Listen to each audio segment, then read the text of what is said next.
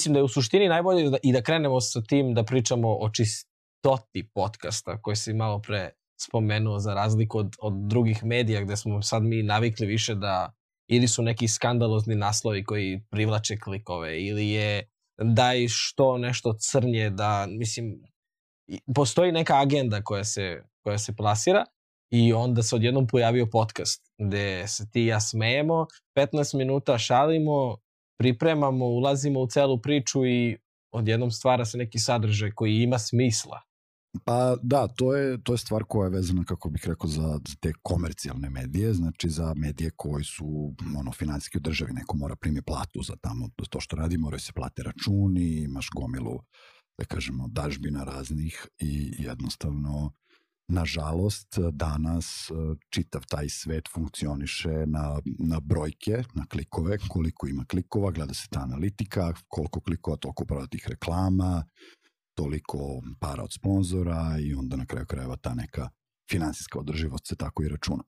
E sad to kod nas podcastera, da kažeš, nije, nije situacija, zato što smo mi užasno nišni mediji, u smislu ti se ne obraćaš širokoj narodnoj masi, tebi se neće reklamirati, ne znam, deterđent za suđe u podcastu, zato što nema potrebe. A ovaj, da reklamirat će se samo određeni sponzori koji prepoznaju tu publiku koju ti pričaš i tu tvoju zajednicu i koji, koji si ti negde, da kažeš, već izgradio unapred za njih i samo um, ono, kapitalizuješ, monetizuješ na, na taj način što, uh, što će ti brendovi voleti nekako da se priključe u tu celu priču. Da te podrže i da se samim tim negde oni budu prepoznati od strane tvoje zajednice kao, kao ono good guys, što bi se reklo.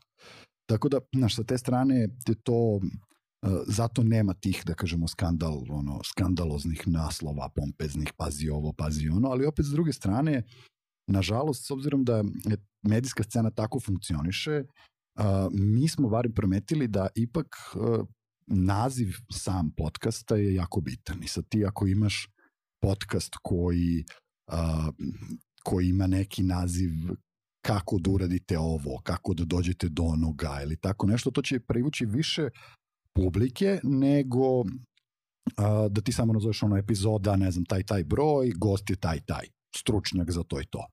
To će imati mnogo manje klikova nego da nazoveš epizodu, ne znam, kako zaraditi milion dolara, otprilike. Tako da, mislim, ta ne, ipak to negde i tu malo ovaj, pali, da kažemo, i, i u podcastima, ali opet sa druge strane, srećom po nas još uvijek, barem za našu zajednicu ovde, kako je u Srbiji na Balkanu, uh, jednostavno sadržaj koji se, koji se tu trenutno dešava, koji se proizvodi je takav da je on većinom edukativnog karaktera ili zabavnog karaktera. I nema, uh, nema tu još uvek toliko novca, ne vrti se toliki novac da bi da bi takve stvari mogle da prolaze. Mislim, ti sad možeš da napraviš podcast koji će da se bavi skandalima na, na estradi u Srbiji, ali mislim, nećeš zaraditi nešto puno novca toga, zato što te stvari su vizualne prvenstveno. I sad, ako to nije neka televizijska emisija ili neko štampano izdanje gde ljudi mogu da gledaju šta se tu zapravo dogodilo, uh, znaš, ne, nema te priče koje ćeš ti njima da ispričaš koja će da bude njima toliko zanimljiva i koji će, koji će oni sad sve da slušaju. Osim ako nije neki, mislim, gosip, ali opet i to je, no, nisam siguran da će to, bar još neko skorije vreme da, da funkcioniš ovde kod nas. Ja, ja pratim neki poz, svetske poz, ove, podcaste i ne znam, ni, ni u jednom nisam naišao na to da kao, a ja sad ću da čujem ovaj skandal, znaš kao. Meni se, meni se i dopada zato što se podcast upravo izdvojio od te reke tradicionalnih medija koji su se pretvarali iz, ne znam, radija, novina, televizije, portala, raznih nekih, me razumeš, pristupa da, da, da. Infor, informacijama koji su se u suštini kao, znaš, kao, kao plastična operacija, postajali su svi isti. Ako zameniš, ne da. znam, ajde možda, kao, mislim kao i hoteli, znaš kao biznis hotela, ne znam, verovatno si čuo za taj primjer, da ako staviš na, ne znam, umjesto jednog imena staviš drugo, niko neće primetiti razliku, svi su hotel s pet zvezdica, svaki malte ne izgleda isto. Znaš, e, ja nisam baš imao mnogo prilike da posećujem, možda jedan, dva, ove, ali da, ne, verujem. ali, ok, znaš kao, Tako, tako, tako mi deluju i, tra, i tradicionalni mediji, neki, ne pričam sad opet, neću da generalizujem, ali ako staviš jedno ime umesto drugog, nećeš primetiti razliku između magazina. Znaš, uglavnom to je neko... Da. imaju Da, da, da. sistem, imaju šablon koji, koji radi. Znaš, onda se pojavi po- podcast, aha, To jeste, da, upravo si. Mislim, to je ba, barem kod nas na, negde na, na, na Balkanu je barem takva situacija trenutno.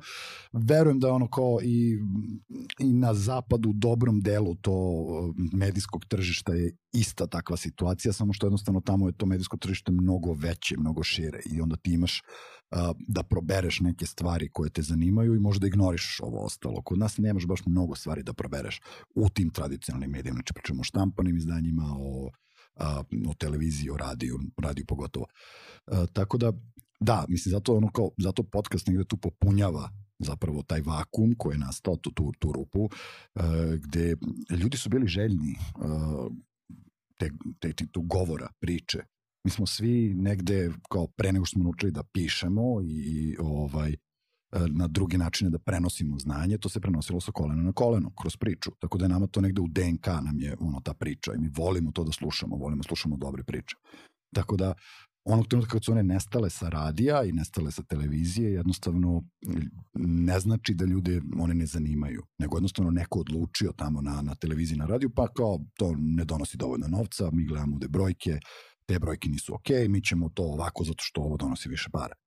Ali na što na, na duže staze je to zapravo greška, zato što ovaj sadržaj oni koji ljudima treba i onda će oni pre ili kasnije da se vrate na to.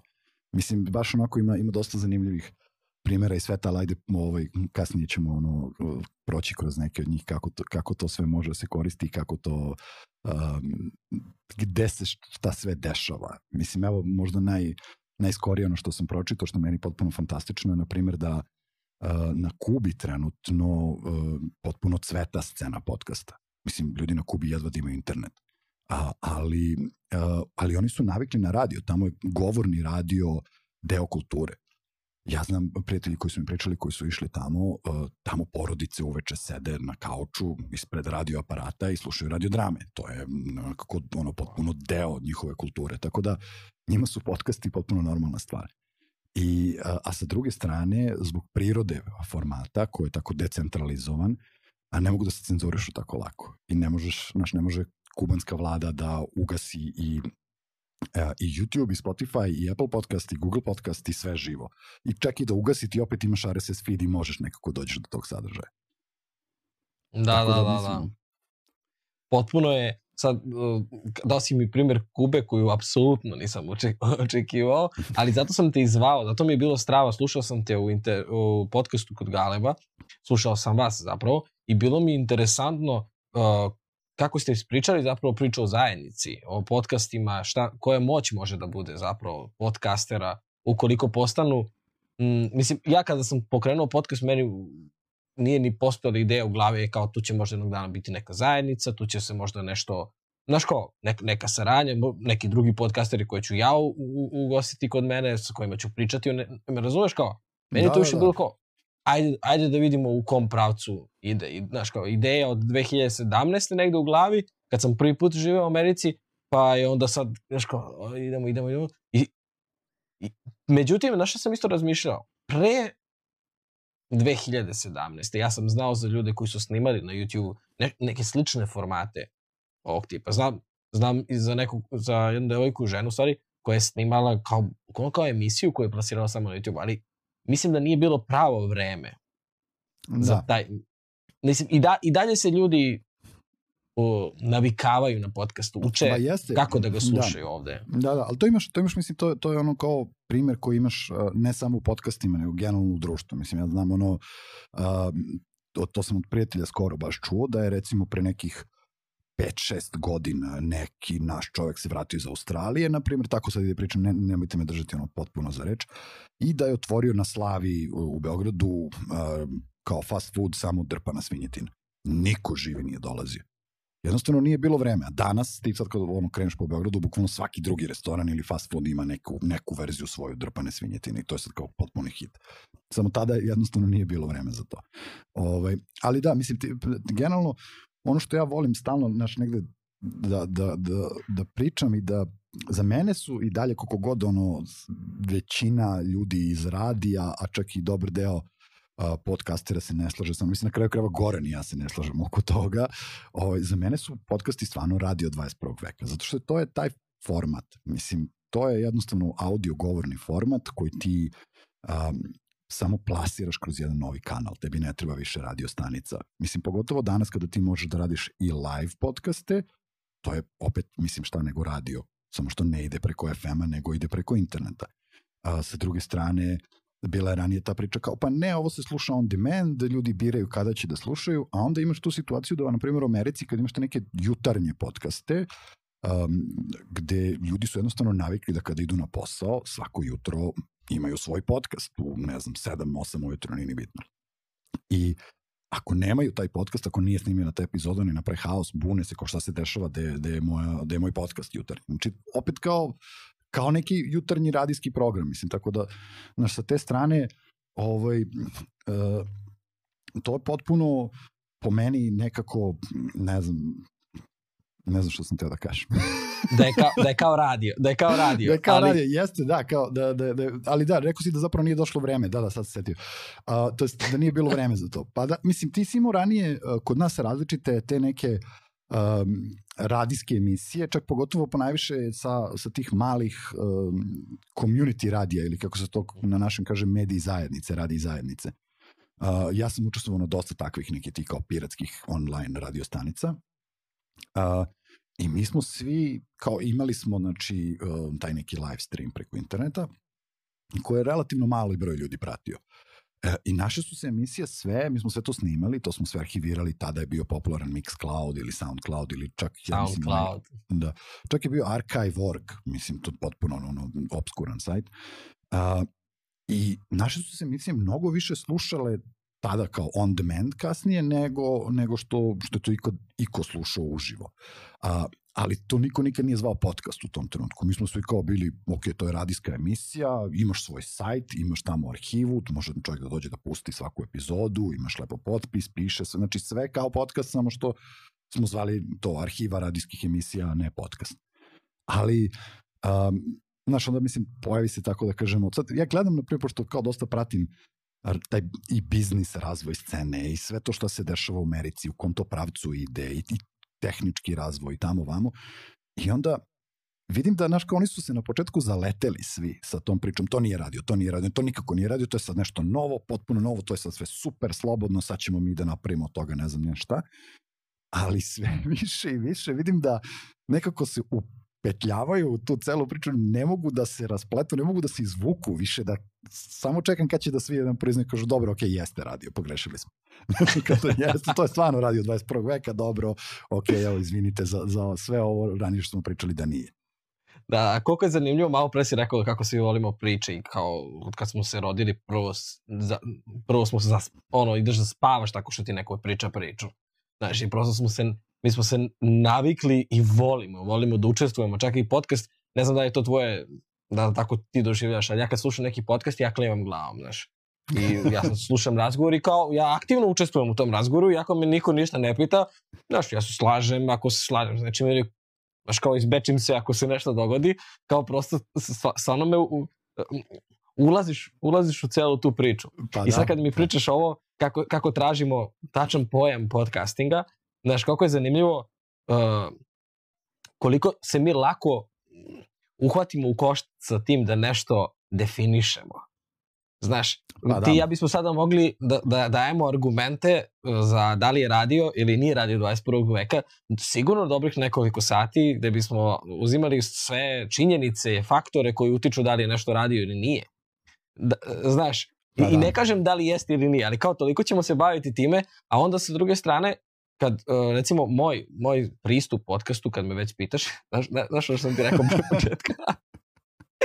ovaj, ali kao moj pristup podcastu od samog starta je kao bio potpuno nedefinisan što se tiče sadržaja, jer ja sam bio tu malo potpuno onako, hm, šta je, postaviš kao audio samo, pa ko će to da sluša, pa de, tako da meni je bila najveća uh, zabuna kako da ja to sad postavim na sve podcast aplikacije. Jer ja sam mislio da ti automatski moraš da ideš na Google, pa da ide, znaš, hvala Bogu pa postoji YouTube i da. tutorial da. od 3,5 minuta koji ti kaže, e, samo okačiš na jedan i, znaš, sve će da se plasira. Pa Ali da. kao stvarno taj sadržaj je barem mom životu, ne samo kao podcastera, nego kao neko ko prati podcaste, je, je odjednom postao, upravo što si rekao na početku, edukativan.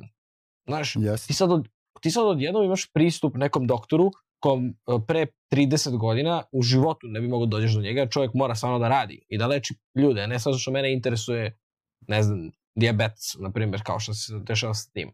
Sad- Sad ti odjednom, ja kao podcast imam pristup čak i tom doktoru lično, da, Da, pričam da, da. sa njim.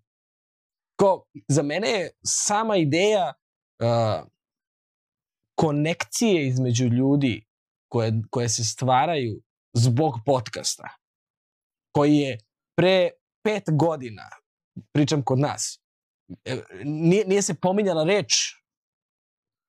Ti danas imaš ljude gde ko, koji se spajaju samo zbog toga što ćemo sa, e, sad ćemo sve da snimimo naš razgovor. Pa Da. zamisli sam ti se ja javio pre, pre 10 godina, kažem, e, Vlado, aj snimimo neki razgovor na internetu i da, da okaču, ti, ti bi pomisli, pa kao, kao internet dobro, ne, dating, znaš prihvatio kao, bi ja, naš, ja, ja volim da pričam. Dobro, ne, prihvatio ti, ti, si, ti si specifičan, možda je loš primer bio sada, ali znaš kao, a, ka- kao, kao kad kažeš našim roditeljima, kao, kao upoznao sam devojku preko interneta, kao, zamisli to pre 10 godina, danas je to Da. normalno. Da, da, Znaš, da. ako su ti roditelji razvedeni, verovatno je velika šansa da su i oni upoznali nekog preko interneta danas. Me razumeš kao, Pa da. pre, pre 20 godina bi to bilo kao, beži, beži, da. Da, da, da, da. da. Pa ne, upravo si mi se, da se vratim mogu kao, meni je super to što kažeš klimaš glavom kad slušaš podcast, ja se smejem Da, da. ulicom. Znaš, idem i smejem se ulicom i ljudi gledaju kao šta se ovaj smeje. Ok, ima slušalice, ali kao kakvu to smešnu muziku on sluša, mislim. Znaš, kao, o, ovaj, Smešnu muziku, dobra, dobra. Da, da. Ovaj, uh, I sad, znaš, s druge strane, to, stvarno, pristup toj, tom, tom stepenu edukacije je, je neverovatan, da ti stvarno možeš da naučiš uh, sve i svašta, jer postoje danas stvarno podcasti za sve i svašta, pogotovo ako znaš engleski vrlo dobro, onda stvarno možeš da naučiš od istorije, preko biologije, preko toga šta se trenutno da, dešava, šta je, evo ja sam baš skoro slušao kao šta su ovi NFT-ovi, ja sam, znaš, mene malo to pregazilo vreme s te, s te strane, ja sad kao, Blage veze što je to. Ali ima podcast lepo, uzmem, poslušam pa znam. Da, Kao, inače bi morao da sedim i da gubim ne znam kolike sate tamo ovaj, googlajući po internetu, pa da li je to neko napisao, pa koliki članak, pa koliko je detaljno ušao to, pa ja ovaj, ovako lepo poslušam pola sata i na putu do kuće od posla i, i sve znam što me, što me zanimalo. A, a pritom je relevantan kao izvor, znaš, kao znam da, da ovaj, vidim koja je to produkcijska kuća i koji je to podcast, stvarno rade ljudi koji su pravi novinari, koji su ozbiljno uložili a, vremena u istraživanje toga. A, a sa druge strane opet kao čak možeš i da se fantastično zabaviš. Mislim za ljude koji vole da kažemo a, super junake ili tako te stvari kao ove, kao ove blockbustere filmske, ti sad a, Marvel je ušao u podcasting, ja mislim da već imaju tri otprilike svoje podcaste koji su fantastično isproducirani, to zvuči neverovatno, no, kako, kako, je, kako je to dobro urađeno i ko binđuješ ko seriju, idem ko, ne znam, desetak epizoda po sezoni i ko super, ja, ja to kad sam provalio, mislim što je kao mene to, na primjer, dosta zanima. Koji ti je Ovaj, omiljeni Marvel, junak? Uf, Doctor Strange. Oh! oh, to! Zato smo odmah pričali, mi smo se inače upoznali pre, ne znam, sat i, i 10 minuta otprilike. Da, Doctor Strange je stvarno jedan od najkompleksnijih i najjačih likova. Pa da. Mislim, ovi ostali su cool, ali Doctor Strange je Doctor Strange. I, ali Pritom mislim koliko su si, odabrali stvarno koliko si najbolje puta gledao glumce. Doctor Strange? A, mislim samo dva put, nažalost. Oh, ali Ja ja čekam prvi put- izađe ovaj novi. da, da, da. Ja kad sam prvi put gledao Doctor Strange, meni to bilo sve kao, u, malo su mi preterali s ovim zgradama što se našao. Kao drugi put, kao, u, dobar, dobro, ovo mi se sad, znaš, kao treći put, sad smo, mi smo sad gledali svaki dan uh, po jednu epizodu. Znaš, 21, 21 dan smo gledali svako večer i kao dobiš kompletnu sliku. Kao, bez obzira što sam gledao svaku epizodu po osob, kad gledaš jednu za drugom, sve se uklapa. Stvarno, Da, kao da, da. Doctor Strange. Kao, napravili su fantastičnog junaka, čoveče. Hit, hit. Da, da, da. Ovo, baš mi je drago što gledaš majicu. E, mogu sam obući barmer majicu, da sam znao. eto, eto. Sledeći put, sledeći put. Dobro. ovaj, kaži? Ne, ne, ništa, ništa, nastavi slobodno. za, za podcast, ti si, uh, zašto sam zapravo teo naj, na, najvažniji razlog je zato što si ti toliko dobro upoznat sa našom zajednicom, sa srpskim podcastima, sa, sa celom pričom, pratiš, razvijaš, ne znam koliko ste uh, sada, im, sada ima 200, to sam video kod vas na... 230 i, ne, 240, ja mislim, wow. pošto si juče priključio još jedan. Mm -hmm. 240 podcasta, s tim što nisu svi Srbije. Znači, tu su sad već imamo podcaste iz Hrvatske, iz Bosne i Hercegovine, jedan iz Makedonije, iz Crne Gore, ali da kažemo, ono, velika većina je iz Srbije e, i pritom imamo i podcaste na, na jezicima manjina. Imamo, ja mislim, dva ili tri na mađarskom, jedan na rusinskom i jedan na slovačkom. To je, a, za koje vreme se, vi ste od 2019. Tako je. 2019. Aktivni. kada smo, kada smo kao krenuli da razvijamo ovaj, uh, sajt, inače skoro smo pronašli tu informaciju, baš smo se smejali uh, u, u newsletteru ko, kom šaljemo, Um, Goren je taj domen kupio ja nešto ne znam, 2014. otprilike ili tako nešto. Podcast.rs? Da, da, da, to, to potpuno, znaš, on je to tad kupio ovaj, i, i to tako je tu stajalo i onda je napravio jednom trenutku, da kažeš, taj, ono, kao neki WordPress template i tu je bilo možda desetak podcasta otprilike. Desetak je bilo na početku. Uh, I onda, onda kako smo krenuli, onda sam ja bukvalno uzao da češljam internet uzduž i popreko, od YouTube-a preko Soundcloud-a, Mixcloud-a, sve moguće platforme. Uh, ono, googlovao sam do, ne znam, do 2-3 ujutru otprilike, kao podcast, Srbija, sport, kultura, preduzetni, tralala, dok nisam našao ovaj, većinu tih ljudi. I, i pisao im svima direktno ono jedno pojem, dobar dan, dobar dan, mi smo ti, ti znate, radimo to i to, mi bismo dokupimo celu zajednicu na jednom mestu, da li želite da se vaš podcast nađe ovde, molim vas, pošaljite nam RSS feed i tako dalje. Ove, ako nemate RSS feed, možemo da vam pomognemo kako da napravite audio verziju svog podcasta, možda mi nećemo ovaj, da držimo video na sajtu i tako dalje. Uh, i, I tako je to, tako je to krenulo i recimo negde posle godinu, godinu i po dana uh, je to toliko zaživelo da ja više to nisam morao da radim, nego su počeli ljudi sami da se javljaju. Mm, da, da, vas, počelo, da. Na nedeljnom nivou mi dobijemo uh, četiri nova podcasta, ljudi se samo jave. I to kao, počeli su se javljati ljudi iz Hrvatske, počeli su se javljati ljudi iz Bosne, i to kao ono super, kao to je to. Napokon se to sad dešava stvarno i sad idemo i to sad već ide ovaj, dalje malte ne samo. Ok, i dalje ja kad vidim a, nekog ko, je, ko mi je zanimljiv, ko, ko nije kod nas, ja je povučem za ruku, što bi se reklo, pocimam, pošaljem mail, poruku, šta god, kao, e, dobar dan, znate, mi smo tu i to, ako želite, priključite se slobodno, ovaj, tu smo za celu zajednicu, tako da... Da, pa to ali, ima da, smisla. Mislim, kao, naravno da ćeš uvek i dalje kako se to a, kao agent tražiti, ali opet s druge strane normalno da su ljudi prepoznati ste. Prepoznati ste kao mesto gde ću da nađem naše podcaste. Znaš, ja kad, ja pa kad pa da. nešto istražujem za sebe, ja, ja odem na podcast.rs, pogledam, prepoznam šta mi zvuči dobro, uđem da vidim. Znaš kao, to je, to je sada moj Google za podcaste kod nas. Pa da, mislim, to je negde i bila, i bila ideja, zato što ovaj, uh, ti i dan danas, mislim, posle kao, jeli, koliko je ta, ta reč podcast od 2005. pa kad su se pojavile prve te platforme i tako dalje, ti dan danas kod većine ovih, to ne kod većine, zapravo kod svih ovih uh, velikih platformi za, za slušanje svetskih, uh, nemaš opciju da ti oni daju lokalne podcaste. Znači, možda to funkcioniše, ne znam, u Britaniji ili Nemačkoj, ali sumnjam, pošto oni ipak idu opet na analitiku i gure ono što je popularno. Drugo, većina tih, da kažemo, firmi, korporacija sad ima i neke svoje produkcije, pa onda guraju ipak to negde na prvo mesto.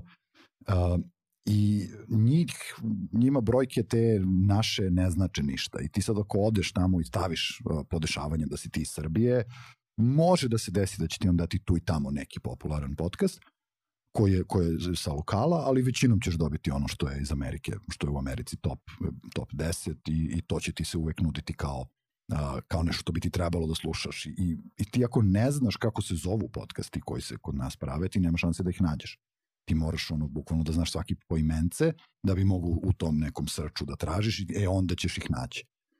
Pa da možda eventualno praviš neke svoje liste, otkud znam, mislim, ko, ko će to da radi? Da, Tako, da, da. Za, nama je zapravo bio to cilj, znaš, da okupimo celu zajednicu na jednom mestu da bi ljudi jednostavno mogli da dođu do tog sadržaja, da znaju da tu postoji i sportski podcast, i podcasti koji se bave preduzetništvom, i podcasti koji se bave zdravljem, i kulturom, i umetnošću, i čime hoćeš. Uh, I negde uh, ima taj, to, to Goran, on me, on me naučio za taj termin iz filmske industrije koji se zove spillover. A to je ono kao ti si došao u bioskop uh, i sad prodate su karte sve za tu projekciju koju si ti hteo da gledaš.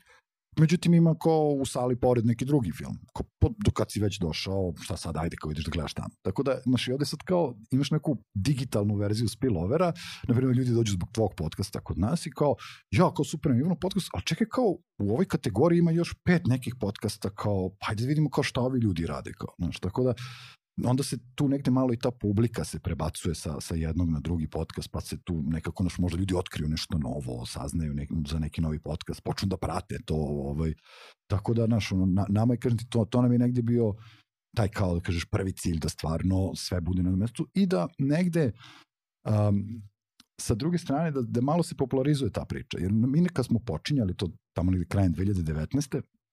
Uh, sećam se nekog od tih prvih razgovora kad mi govorimo kao pa dobro mi se bavimo podcastima, znate, ovaj, to su emisije, to se snima, to, uh, većinom su ljudi bili u fazonu kao, a vi ste ovi sa YouTube-a ovo, kao, kao ne, ne, ne, nismo. da je to neka potpuno druga ekipa, oni rade nešto potpuno drugo. Uh, ne mislim da sad kao ovde na, na, na, ovaj, na podcastere koji imaju naravno YouTube verziju, to je, to je sasvim legitimno i treba tako da bude, nego mislim na kao ljudi koji prave YouTube sadržaj, koji to isključivo, da kažemo, to neki influencerski YouTube sadržaj ili kakav god, ali koji nije podcast. Tako da smo morali negde naš ono malo da edukujemo ljude da šta je zapravo to što mi radimo, da je to ipak dosta ozbiljnije, da to nije uh, nešto što je to privlači pažnju miliona gledalaca samo zato što mi tu pravimo neke gluposti ili šta god uh, i da onda kao se nadamo da ćemo zaraditi od nekog YouTube-a, nego da jednostavno ovde se gradi, svaki podcast gradi neku svoju zajednicu.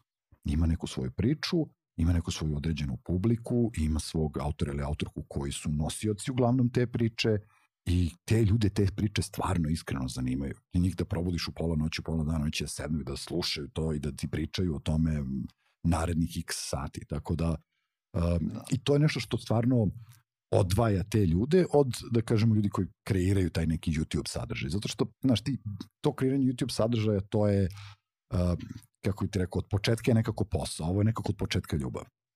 Ti si u ovome zato što da. tebe stvarno zanimaju te priče.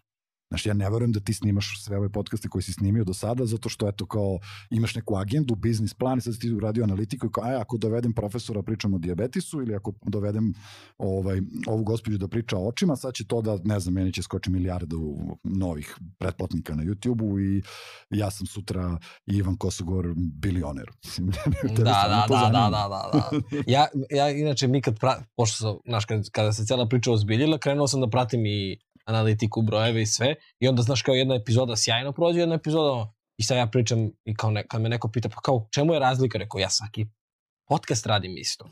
Moj, moj pristup podcastu, ja upravo idem iz te moje znatiženje.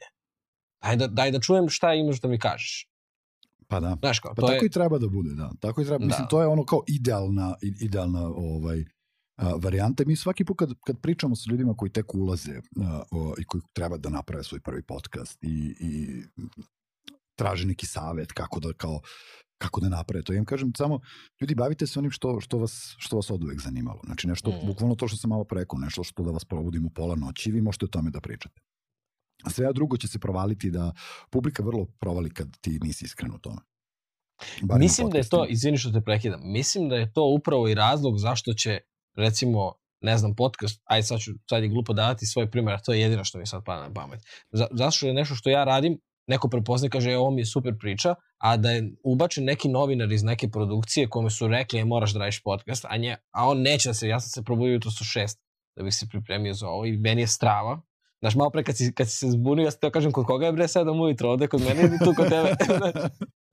Ali kao, stva, ja sam kao svakog dana kad, svaki dan kad radim podcast je meni wow taj dan. Znaš, ja sam radio kad smo imali, ne znam, 100 subscribera, meni je to bilo kao, ej, 100 ljudi, 100 pregleda. Au, 100 pregleda, 100 ljudi odlučilo da pogleda, bre, me razumeš? I isti osjećaj kad imam, ne znam, 100.000 pregleda.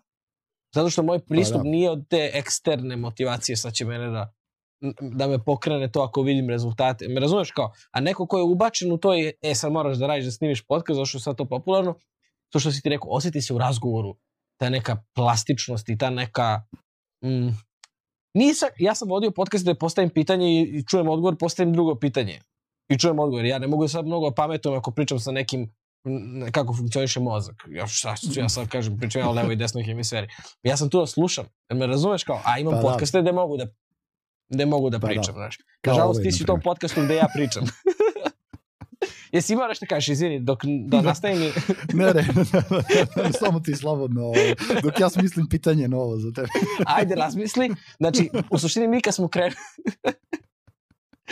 Vidiš da smo, smo sad uživo, pa da možemo da kucnemo na nas.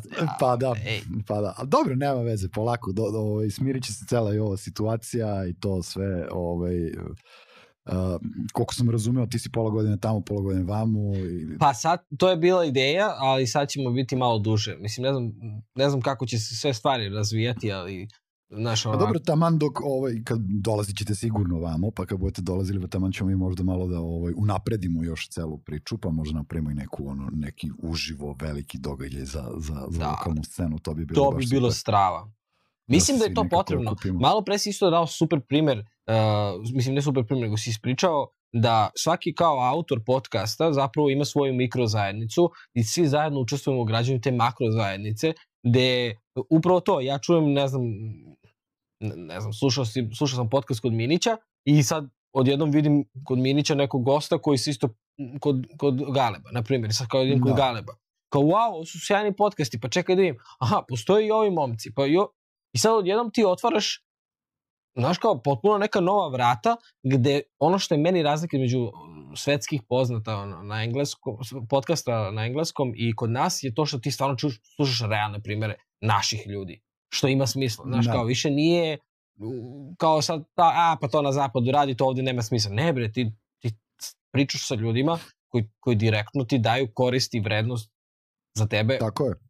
U realnom vremenu ovde kod nas. Tako je, tako je. Mislim, naravno, opet ono, zavisi od toga šta tebe tu zanima tačno, ali, ali Tako je. stvarno imaš, uh, stvarno imaš to što kažeš ljudi koji ti, uh, koji ti donose neke priče koje ti ne bi mogao nikako drugačije da čuješ. Mislim, super je sad to kao slušati NPR uh, priče, njihove podcaste koji su fantastični o tamo nekim životima u Njujorku i sve to divno i krasno, ali kad čuješ ne, o nečim životu u Borči, naš malo je realnija priča ovaj, ne, nego, nego taj Njujork.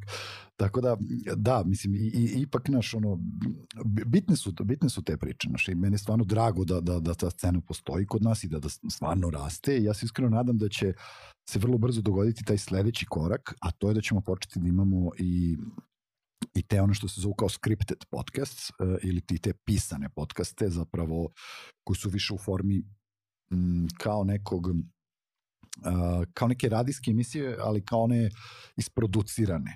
Znaš, da ti se Mhm. zapravo, neko te vodi kroz priču. Imamo neke već primere kod nas, uh, ali to kao trebalo bi to još malo da, da, ovaj, da, da poraste, da, da, da se pojave neke produkcije malo ozbiljnije, pa da ti onda neko uzme, na primjer, jednu neku priču iz naše istorije ili iz, iz neke, ne mora ni to ko bude staro, neke skorije istorije, a, i da ti onda to kao kroz deset epizoda uzme i disecira na najsitnije moguće delove, ti objasni tačno ko je tu, šta, kako, intervjui sa ljudima, šta se tu zapravo desilo, ispričati nekako kompletnu jednu priču.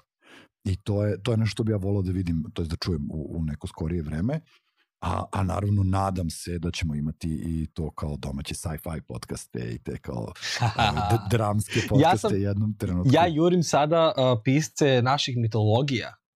To mi je toliko prezanimljivo. I sad kao, znaš, kao došli smo ovde pre par meseci i sad kao razmišljam prvi put kao zašto nisam poneo bar neku knjigu. Da me razumeš kao, sad, sad Da. nemam, pri, sve vreme sam imao pristup, uopšte mi to nije ni ideja bila. Kao, čekaj bre, tu postoji stvarno ogroman prostor da se ispriča nešto što, znaš, kao ja znam grčku mitologiju, jer sam gledao onaj Da. crtani grčka mitologija, pa kao, znaš, da, sad kao pos- postoji jedna potpuno neka drugačija sfera koja meni nije predstavljena. Znaš, i meni se zato i dopadaju podcast. A sad, kao, podcast je neka vrsta fenomena, bar ja tako gledam. Zato što je u, u jednom trenutku su i ljudi koji su uspešni u svojim poslovima, karijerama, nebitno da li su ne znam, e, poznati kao pevači, celebrity tog tipa, ili ljudi koji su uspešni kao preduzetnici, svi su prepoznali pojam, kao podcast je postao vatra oko koje se svi okupljamo da pričamo. da. Ali kao, to je se prepoznalo u jednom trenutku. Čak i neko ko ne razume podcast, kad ga, ne znam, pozovem na podcast, on kaže, e, ne znam kako je to tačno izgleda, ali strava mi je kao da budem, čuo sam, strava mi je da budem u podcastu. Da, da, da. Pa ne, da, to je, mislim, meni, meni je fantastično to gledaš kao uh, i, i po svetu se dešava da, da uh, ljudi se otvaraju tu. Kao čuješ neke da. priče koje nikad nisi čuo. Mislim, ja kao sad skoro sam baš nešto pratio um, te neke, pošto ja ono, dosta sam, odrastao sam na repu i na hip-hopu i, i dalje volim da slušam tu muziku i, i onda kao gledam te neke barbershop, otprilike ono sede u, u Belbernici i pričaju, dovode te legende ono, od, od Wu-Tang ekipe pa nadalje i I ti ljudi koji ispričaju neke stvari koje, oni su na sceni već 20 kusur godina, toliko dokumentaraca o njima urađeno, toliko su intervjua dali, ali opet kaže nešto novo tu, što ti mm. nikad nisi čuo ranije, onako baš, baš se otvore ljudi. Tako da, a i upravo si, i sa te strane kao, ja ne, ne mogu još uvijek da provalim šta je to, a, ali a, možda je to ta neka intimnost formata, znaš, to što je mm. nekako, znaš, nema tu sad čitava produkcija, nisi ti došao u neku zgradu televizije, pa te tamo šminkaju, pa te montiraju, pa stani ovde, pa sad ovako, pa imaš 10 minuta, moraš da kažeš ide uživo, tim ko oceko si se, više ne znaš šta pričaš, ne znaš zašto si došao. Ovaj, nego ovo to kao, seli smo, pa ajde lagano, pa ćemo da pričamo, pa ako se nešto ne svi ne vezi, sjeći ćemo taj deo, pa ispričat ćemo ponovo, nekako mnogo je, naš, mnogo je to opuštenije da se ljudi ovaj, valjda opuste i, i, i krenu stvarno ti ispričaju svašta. I sad, um, zanimljivo je da, da ti imaš stvarno što ono što si pomenuo, imaš i preduzetnike i čak ljudi koji su dosta uspešni u, u poslu, u, u biznisu kod nas, koji su odlučili da tek tako dođu i da kao gostuju u podcastima nekim mlađim kolegama našim koji ovaj, koji stvarno super to rade, naravno oni su pogledali, videli šta je to, aha, nije to sad, ne znam, ono, nešto smešno, pa će neko da me zeza tamo da me kači na YouTube, nego kao, moj momak stvarno to radi kako treba, njega stvarno zanima šta imam da kažem, pa super, ajde dođem da ispričam mladim ljudima, budućim preduzetnicima, sve što ja znam, pa možda nekom to i nešto ovaj, pomogne, eto.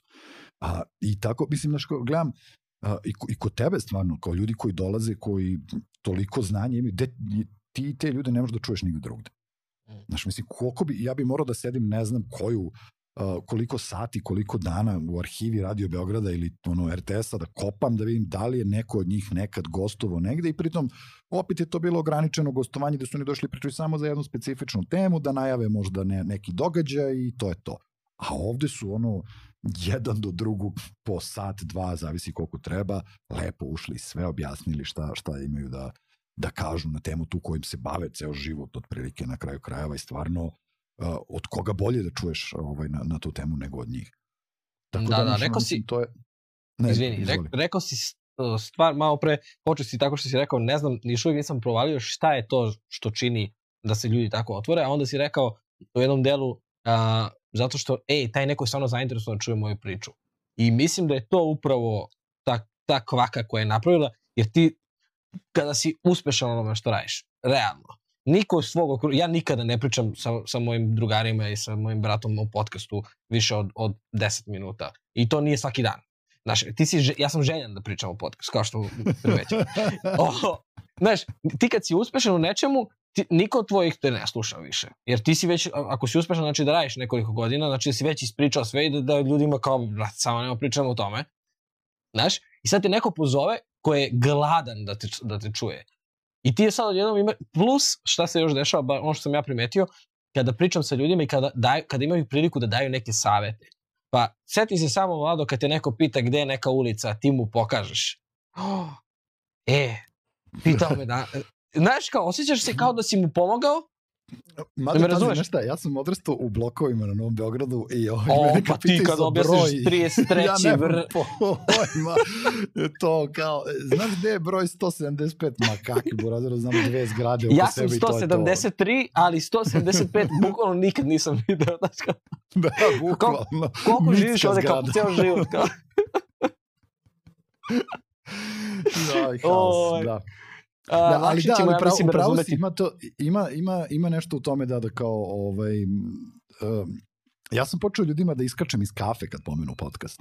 što toliko, ono, toliko ovaj, sam zadnjih dve godine u tome i kao, da. uh, naš, ono, bukvalno, evo, ne mislim, evo sad kod tebe, Uh, je ovo, ja mislim, treće gostovanje unutar zajednice, da kažeš. Uh, mm. da, znači, kod nas na, na, na sajtu gde smo mi a, gde smo mi ili Goran i ja zajedno ili, ili ja sam a, gostovali na, što čak nije, možda i četvrto možda i četvrto, ovaj, da, da mi nešto to kao pričamo u podcastima ufaza, ono smo kao, ok, čekaj, hoćemo da napravimo onu igru kao da se pojemo u svakom podcastu.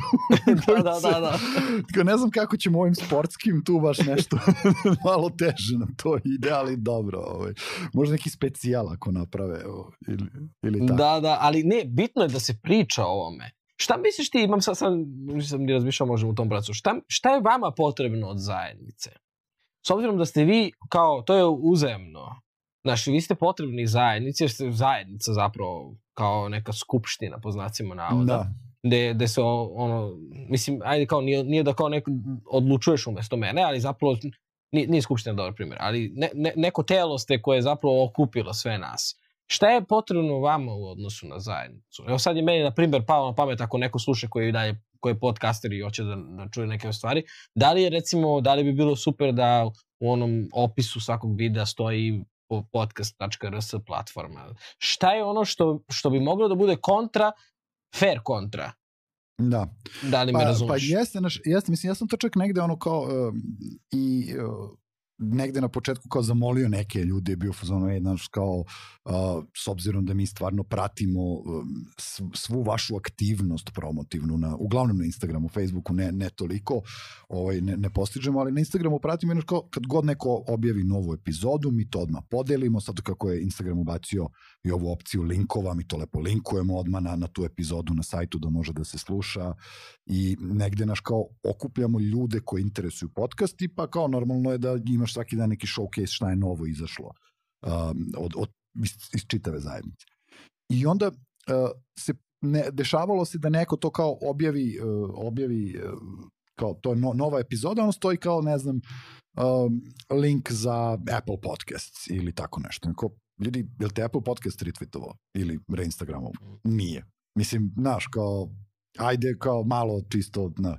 Tako da, znaš, da, mislim, da. to negde jeste, jeste bilo, neki ljudi iz, iz zajednice su bili u fazonu kao, pa, kao svi bismo mi trebali zapravo da uvek šaljemo ljude na, na, na domaću platformu, to je ona stara kovanica, kao kupujemo domaće, znaš, ovaj, uh, tako da, znaš, kao, sa te strane, da, mislim, ali s obzirom da mi nismo platforma koja funkcioniše, to jest koja, da kažeš, ono kao monetizuje taj trafik, kao naš, nama to sa te strane ne znači nešto puno, naš, mislim, jeste, super je naravno pomenuti i reći kao tu su ljudi, oni su tu za, za sve nas, kad god neka pitanja, mi se uvek obratimo njima i tako dalje, ali nekako je sa druge strane nije ni fair od nas da mi ograničavamo gde će ljudi da slušaju. Svaka, to, je, to je nekako baš danas pravilo u podcastima je, uh, mislim pravilo, nema pravilo u podcastima, ali ajde kažemo neki trend.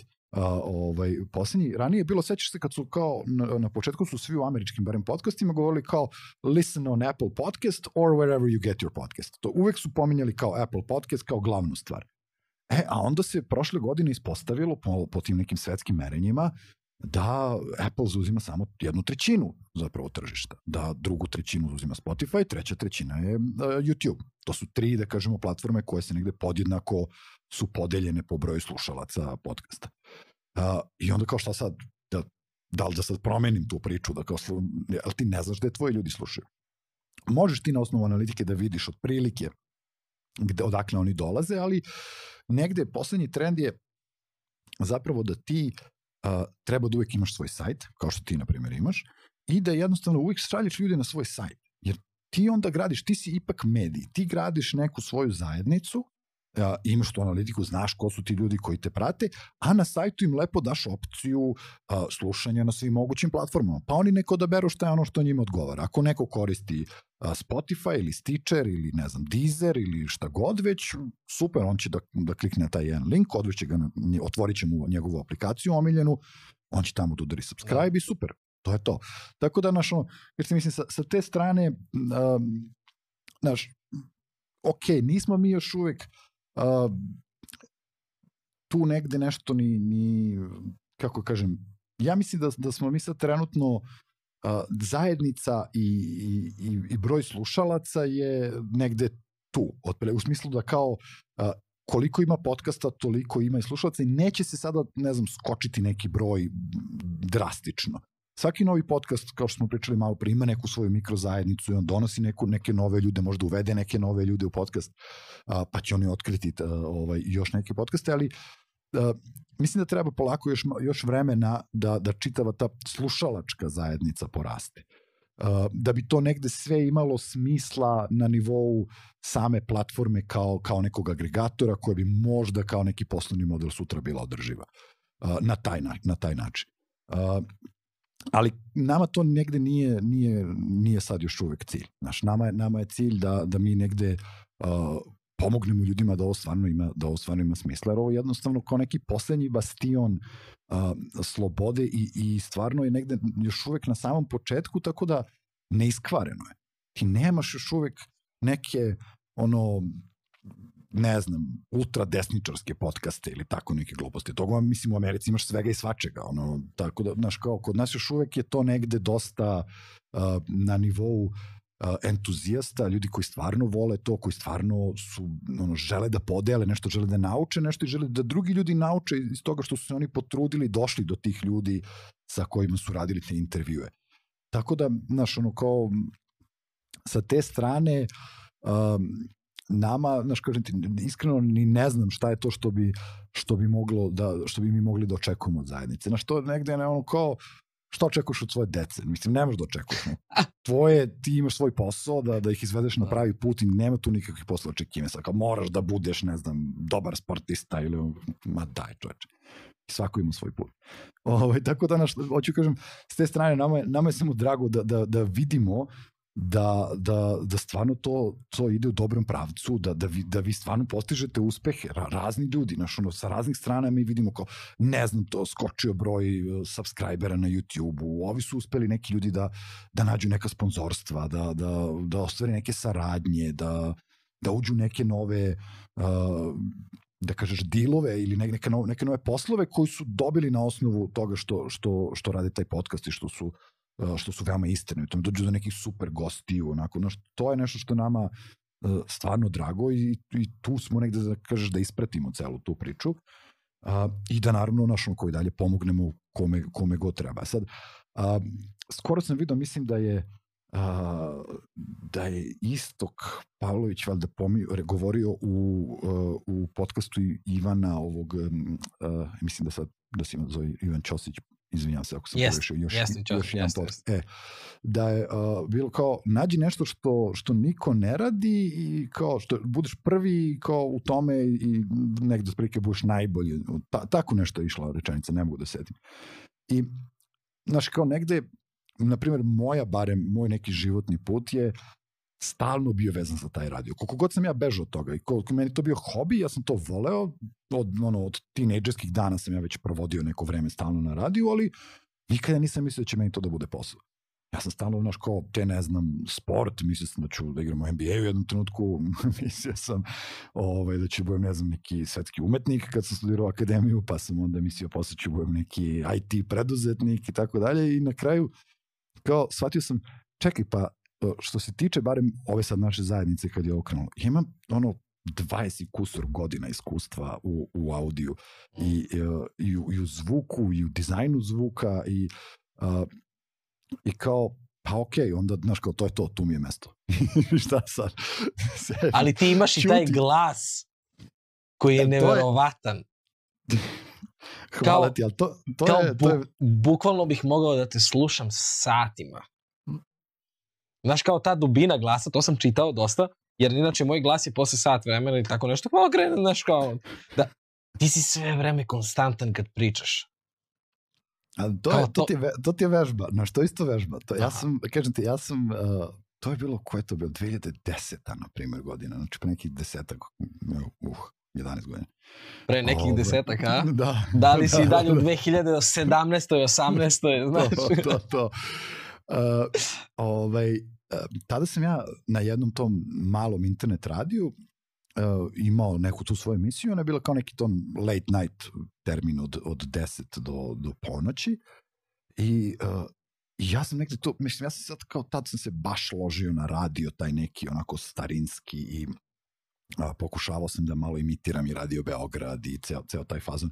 Duše, znao sam ja da uh, se oni čuju tako zato što imaju te stare mikrofone, da mi to ne možemo da dobijemo baš taj zvuk, ali, ali nema veze. Mislim, naš moje je bilo da pokušam da, da izimitiram što više mogu taj late night uh, show i to sam, i to sam radio ono kao svake nedelje, godinama, mislim da ta emisija trajala jedno tri godine, otprilike svake srede od 10 do ponoći sam ja dva sata sedeo ovako i Tim onda glas. pričao sa ljudima, dobro veče, dobro došli.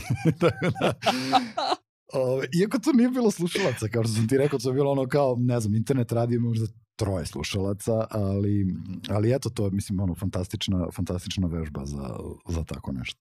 Da, glas ti je stvarno... Ali a, hoću da se vratim samo na malo pre što si pričao. Ja, ja mislim da definitivno postoji teren i a, dosta prostora o čemu bi trebalo da se razmišlja kada je u pitanju a, upravo ta a,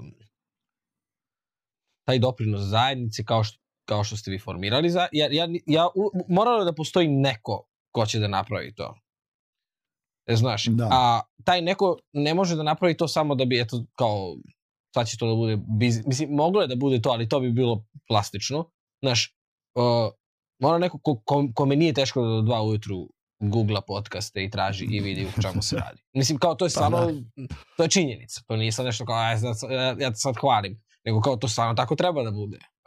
Ne, ne, ne može drugačije da bude održivo u tom smislu. Pa da, Ali isto tako, pitao sam te zato što kao neko ko je podcaster, ok, ajde da vidim šta ja mogu da učinim sad za, za, za vas. Kao šta je vama cool. I mislim, ni, nisam dobio neki konkretan odgovor koji mi je dao ideju, ali mi je drago da razmišljaš bar u, u pravcu, e, mi smo sad ovde, a verovatno će u budućnosti, je, mislim, kao, mo, mora da postoji povratno, mora da, ne, ne samo zbog uh, ne, sad, da sad ćeš da, ti sla- dobiješ nešto, nego balans mora da postoji neki. Slažem se, slažem se. Ali znaš šta, mislim, negde, ovaj, uh, kako ti kažem, da, nama je sada um, negde dovoljno da kažeš to što smo mi prepoznati kao, kao neko ko, je, ko, ko to stvarno se trudi u tome, ko je iskreno u tome i ko je, da kažeš, ekspert za to. Mm. I mi već ono imamo dovoljno, da kažeš, posla, uh, samo zato što ljudi, ljudima je jasno koliki smo mi profesionalci u tome. Uh, I sa, sa druge strane, uh, mi to mi ne bismo bili tu bez, bez te zajednice. Znaš, da, mi smo, šta, mogli smo da napravimo kao to, sajt za produkciju podcasta i kao, šta, kaki, ko su, se, šta, si, šta su sad podcasti, ko su sad ovi ljudi. Mm. Ali a, kad ti okupiš prvo zajednicu, pa kreneš iz toga, pa gradiš, pa pomažeš tim ljudima da, da, da, ovaj, da, da budu što bolji u tome što rade, da savetuješ ih koju opremu da kupe, kako da, kako da snimaju, kako da to sve kvalitetnije bude. Ti samim tim radiš na neki način i za sebe. Jer ti uh, podizanjem kvaliteta te, te čitave produkcije uh, dolaziš do sve više, sve veće publike. I samim tim sva ta, ono, postaje veća potražnja za podcastima. A onda Da, kada, da, da, to je jasno. To kada je jasno. dođu da kažeš kao to firme, kompanije, kao jedan puta se zainteresuju ili sponzori i kažu, ok, kao mi bismo sad, sad čujemo da je to cool, da je to in, da je to hit, kao, Mm. pa ko je tu najbolji? Pa, well. Da, Ovaj, smisla. Tako da, znaš, tako da, isto, a ja sam, kažete, ja sam, uh, imao sam primjer tu situaciju sa, uh, sa jednim od tih uh, internet radija gde sam ja, kako bih rekao, nasledio zajednicu.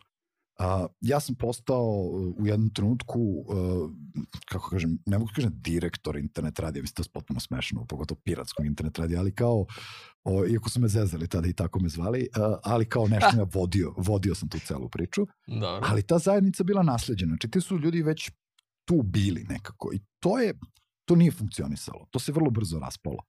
Jer jednostavno, znaš, ja sam vidio da su oni bili nekako prvenstveno, ta zajednica je bila građena oko prostora tog, tog internet radija, e, taj prostor je nekako držao tu zajednicu. Zajedno kad je taj prostor nekako nestao, sama zajednica je nestala, vidio sam da jednostavno ljudi negde ne, ne, ne komuniciraju jedni s drugima. Nekako to je sve bilo veštački, plastično.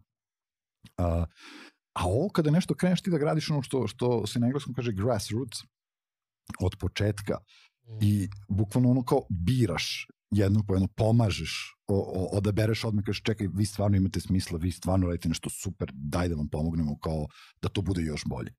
A, I onda drugi kažeš, ok, ovi, ovi odlično rade, njima nema, ne treba ništa da im se mešamo, nećemo da ih, da ih diramo ako zovu za neku pomoć, tu smo naravno, ali kao, znaš, ja nemam potrebu da, da kao zovem ne znam, tebe, Minića, Galebe, kao, e, kao ljudi, znaš šta, da, da vas savjetujem nešto, šta da vas savjetujem kad vi sve to radite fantastično. Mislim, e, Srđana Ercega i tako dalje, ono, razne druge kolege. A, ali, znaš, neke, neke ovi koji su počeli, koji su tek tu, onda kao, čekaj, stani, do, dođi vamo da ti pokažem. Vidiš, e, ovo ovako, ovo ovako, ovo će ti se da, mnogo da, bolje da. da ti zvuči, a, nemoj da, da, da, da radiš ovakvu promociju, to, to niko ne vidi, to niko ne zna, lepo uzmi, napiši da se vidi šta je to, tako dalje. Ovaj, tako da, znaš, sa te strane, kažem ti, negde to je, ti kao, kao da imaš neku baštu svoju, ti stalno nešto tu kultiviše, stalno nešto paziš, da, da svi budu okej, okay, da, da sve bude dobro i da, i, znaš, i to je, i ja, ja kažem ti, stalno čekam kad će da krenu ti, ti podcasti koji su malo više ono, uh, isproducirani, koji da će da krene, to je sound design i tako dalje. Ja sam i to radio svoje vremeno za, za video igre, taj dizajn zvuka I, I užasno mi je krivo što sada jednostavno nemam vremena da se bavim time više u podcastima. Ja i radim i to s vremena na vreme sa te neke svoje mini hobi projekte koji još uvijek nikako da se, da, da, da se, da se pojave, zašto čovjek kad ono, se bavi milion i jednom stvari, onda ne stigne nikad radi ono svoje. Mislim, tako sam i sa tim radio tu, tu radijsku emisiju koju sam, sam prestao da vodim u trenutku kad sam počeo da vodim radio, jer kao nisam imao vremena za, za obe stvari. A, tako i ovo, znaš, kao ja sam ušao ovo zato što sam teo da budem podcaster, ali ja nisam podcaster. Ja sam teo da te pitam, da li planiraš da radiš nešto? I imaš, pa, imaš sve, imaš kontakte, imaš glas, produkciju. Znaš kao, šta te sprečava? To, pa ne znam, nemam pojma pravo. Da, da li planirate kao podcast RS da imate svoj podcast RS podcast? E pa mi, mi imamo, imamo onaj audio newsletter naš koji bi ti trebalo dobio što si mogu To da? znam, to sam, to sam e, prijavljen, prijavljen sam, da. aha. Ovaj, to, to je za sad nešto što ono kao, da kažeš, tu malo ovaj, damo oduška sebi kao to mikrofon i to napokon. I ovaj, onda, onda sednemo uh, Goran i ja uglavnom jednom nedeljnom, mada naš kao malo ovaj, ne postignemo baš svaki nedelj, iako stalno govorimo ljudima morate da budete ovaj, revnosni, da izbacujete uvek epizodu na vreme, ali dobro, mi kažemo da je to audio newsletter. To newsletter je druga priča. da, da, da. da, da. da. Ovaj, ali tu negde, naš, i onda stvarno, mislim, kao ajde malo kroz to negde, ovaj, da kažeš, na neki način zasitimo tu malo tu, tu, tu želju, ali da, nije, nije to to. Mislim da, da ćemo morati u jednom trenutku da... da ovaj... Ne, mislim, to je logično, kao meni pa, bar, da. iz, iz ove perspektive, ne, ne, znaš, kao, ne, ne znam, neću da vam se mešam, zato što, znaš, kao, ne mislim da treba bilo šta forsirati, ali kao iz ove perspektive meni to kao ima Ne, čekamo naš Ima smisla. Oz, ozbiljni sponzori to pa da odmah budemo kod Joe Rogan, odmah 100 miliona i to. I to, i to da, da, da, da, da. Joe Rogan.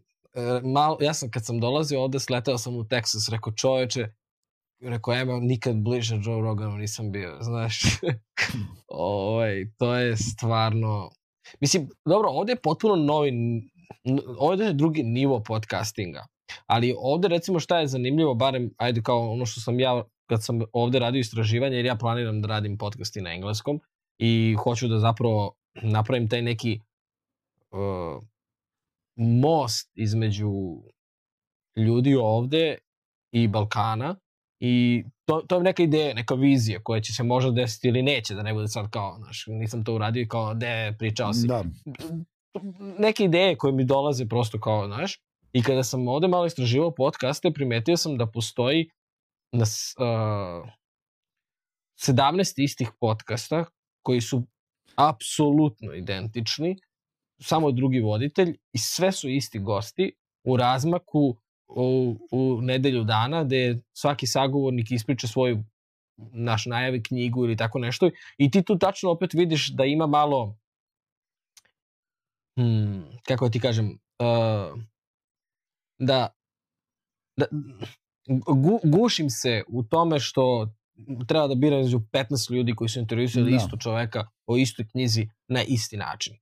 Znaš, ja mislim da još uvek kod nas ne postoji to, da ako hoćeš da slušaš o sportu, imaš nekoliko sportskih podcasta, ali svaki na svoj način će da ispriča Tako nešto. je. Tako Znaš, a, a ovde je već postalo kao uh, identično. Čak više nije, nije ne- nema, nema pečata autorskog, to sam teo kažem. Znači nema Da. sada kao, e, ja sam sad tebe intervjuisao, ti si već bio na, na dva, tri podcasta, to sva, sva tri će četiri biti različita. I svako će nešto novo čuti o naravno. tebi. Ovo, ovo je Znaš, ja potpuno- nisam znao u kom bloku živiš. drugačije od, Znaš od, kao. od svih ovih do sada. Ali, znaš šta, to je, to, tu je stvar, a, ipak je, ajde kažemo ono kao na zapadu, u, u Americi ipak se ljudi tome pristupaju kao, potpuno kao biznisu. Mi stvarno govorimo ljudima ovde ako vi hoćete Mm. da, da uspete, ako hoćete da, da budete finansijski održivi samo od podcasta, vi morate pot, potpuno profesionalno da, da pristupite tome, da pratite analitiku, da sve živo ovaj, uh, gledate, slušate, da bukvalno ono, ima tu mnogo posla.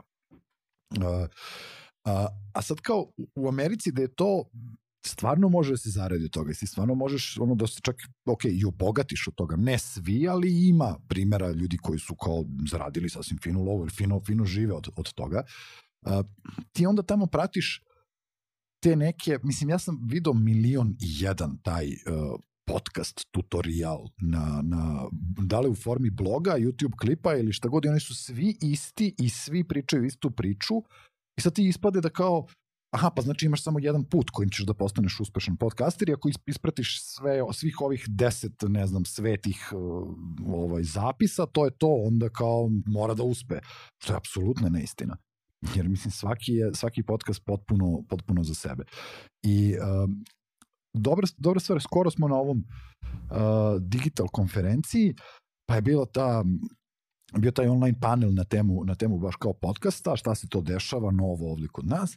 I, uh, i bio je Marko Vidojković iz podcasta Dobar loš zao, inače je pisac.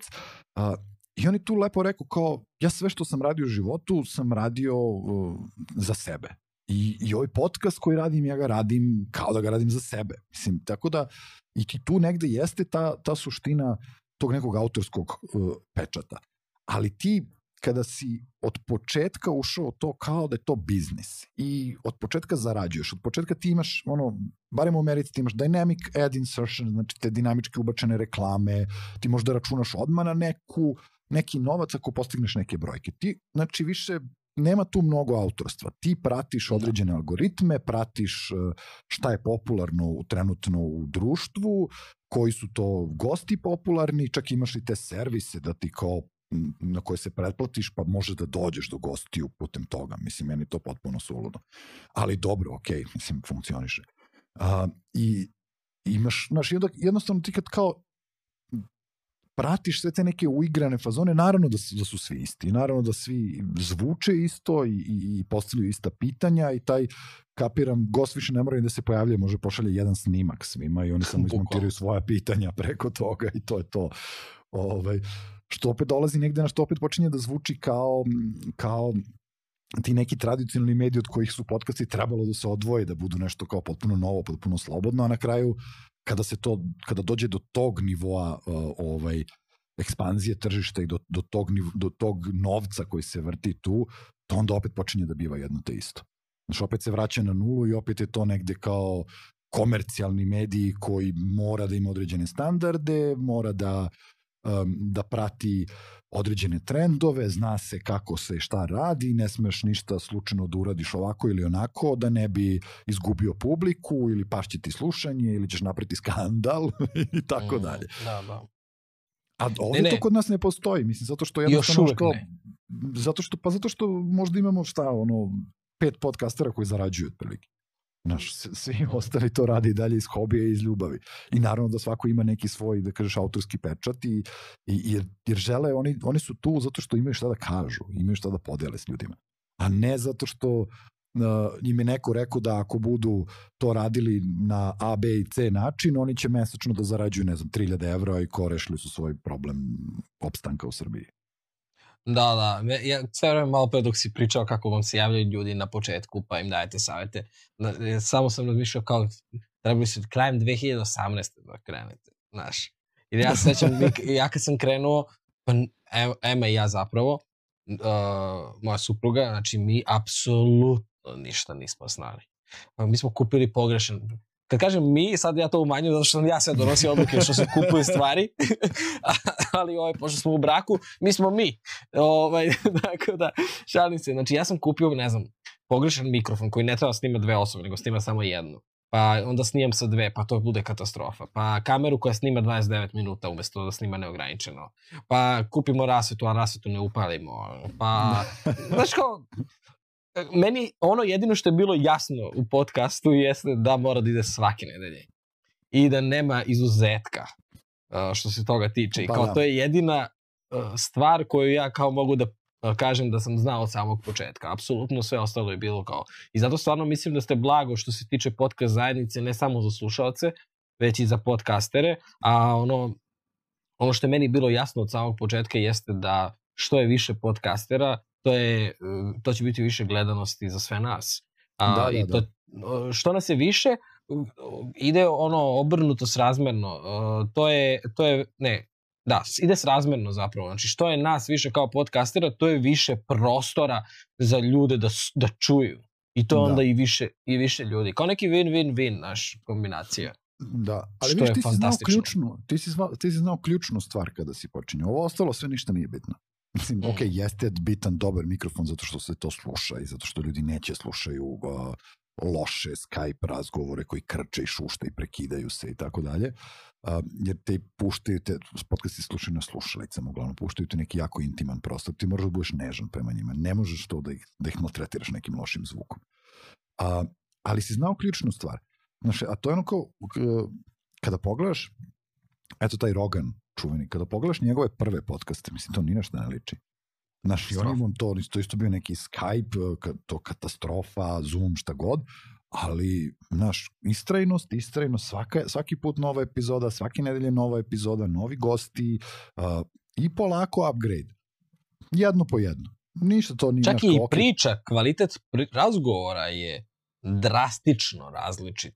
Ja sam gledao prve neke, prosto zato što sam ja bio na početku kao, i ti sad slušaš njegove razgovore, to je koliko je Da. on napred. Mislim, glupo je uopšte, mislim, glupo, ne, ne, nepotrebno i pričati o njegovom napretku za ovih deset godina, ali, ali, ne, kao... generalno, to ti je, to ti je ono kao, uh, izja, uh, evo, baš skoro smo, to jest, kada smo ovih dana smo nešto snimali uh, nove epizode uh, u Mami Šegrta i uh, to je podcast koji se bavi gastronomijom domaći. I sad bio je uh, gost uh, koji, uh, koji priča na temu bartendinga i uh, koji je išao u Japan da vidi kako oni to tamo rade. Jer su oni trenutno negde ono kao broj jedan u, u bartendingu u svetu. Uh, I generalno, Japanci su uh, ljudi koji se, mislim, barem ono što smo od njega nekako čuli, meni je to stvarno fantastična priča, koji se ne plaše procesa. Njima je proces ok. Oni su tu zbog procesa. To traje. Oni kad nešto rade, oni to rade za narednih 100 godina. Ne- Ne rade oni to danas za sutra. Znaš, nema sad to kao, to, to isto i sa, i sa, i sa u, u svemu što radiš, čak i sa ovim podcastima. Znaš, ti ne možeš sad kao, e sad ćemo mi sednemo i sad će sve to da bude fantastično i sad ćemo to odmah smo svi Joe Rogan ili smo ne znam ovaj um, ko već je danas pored njega tu neka da kažeš faca velika um, znaš kao, to je, to je proces i to, to traje i to je i jednostavno tvoje iskustvo, ti ne možeš preko noći da imaš nikakvo iskustvo to jednostavno nije moguće ti moraš da pogrešiš milijardu puta da bi milijardu i prvi puta nešto uradio ono savršeno u, u, u sekundi A, tako da znaš, mislim, ja sam to proveo sate i sate za ovim mikrofonom. Sate i sate za programima za montažu zvuka, da bih, da bih došao do, do toga da, de, de ja sam danas. I to nije nešto što, što kao, znaš, to mora tako odmah preko noći. Uh, jednostavno, uh, i opet ljudi, ljudi greše, misle da je podcast linearni medij. On nije. Jer ti praviš sadržaj. Taj sadržaj, ni, osim ako ne radiš podcast koji je serijskog formata, da se Mhm. tebi nadovezuju epizode jedna na drugu, one su svaka za sebe kao jedno malo delo. I ti ne moraš uopšte, ne mora sad kao svaka ona, ta epizoda, svaka sledeća da, da raste broj, ne znam, slušalaca i sad svaka je napredak, to je po jedna stepenica. To uopšte ne funkcioniše tako. Ti sadržaj proizvodiš i da kažemo kao to su, pakuješ ga. I to su neka određena mala dela. I bezmalo puta se dešavalo, to si vjerojatno i sam video po analitici, da a, neka epizoda možda ni- nije na, odmah na početku bila zanimljiva, ali se onda jedan puta kao Bum. Da, godin, da. godinu dana kasnije jedan puta kao ljudi nešto ih je zainteresovalo, da li je ta osoba uradila nešto, izdala knjigu, pričala je negde drugde, ljudi su počeli da traže još sadržaja o, o, ovaj, na, na tu temu i kao ponašali su podcast sa tom osobom. Kao super, pa kao daj, daj da čujem to. I tebi jedan puta kao ta epizoda koja je imala možda ne znam par hiljada nekih slušanja, gledanja, što god je dobila duplo više u godinu dana kasnije u roku dva dana. Mislim, znaš, kao, zato što, eto, to, to, zato govorim, to je, um, to je sve arhiva. Arhive se ne prave za, za, za sutra. Ne postoji ono muzej koji je od, od juče, objekti od juče za, za sutra. Mislim, to, to ne postoji. To su sve stvari koje su stare hiljade i hiljade godina. Tako da, isto, isto i sa ovim, znaš arhiva. Objekti od juče za sutra. pa da, znaš kao, ovaj, tako da, znaš kao, i ovo, i ovo, će, i ovo će sve priče biti uh, zanimljivo. One koji vino, znaš, to tipa za ono, mm. 30 godina kad neko uzme ovaj podcast da sluša, pa kao, e, a kako je izgledala početak podcast scene u Srbiji? Pa, da. evo, kao, evo, ovi ljudi sedeli pričali, ima da se posluša.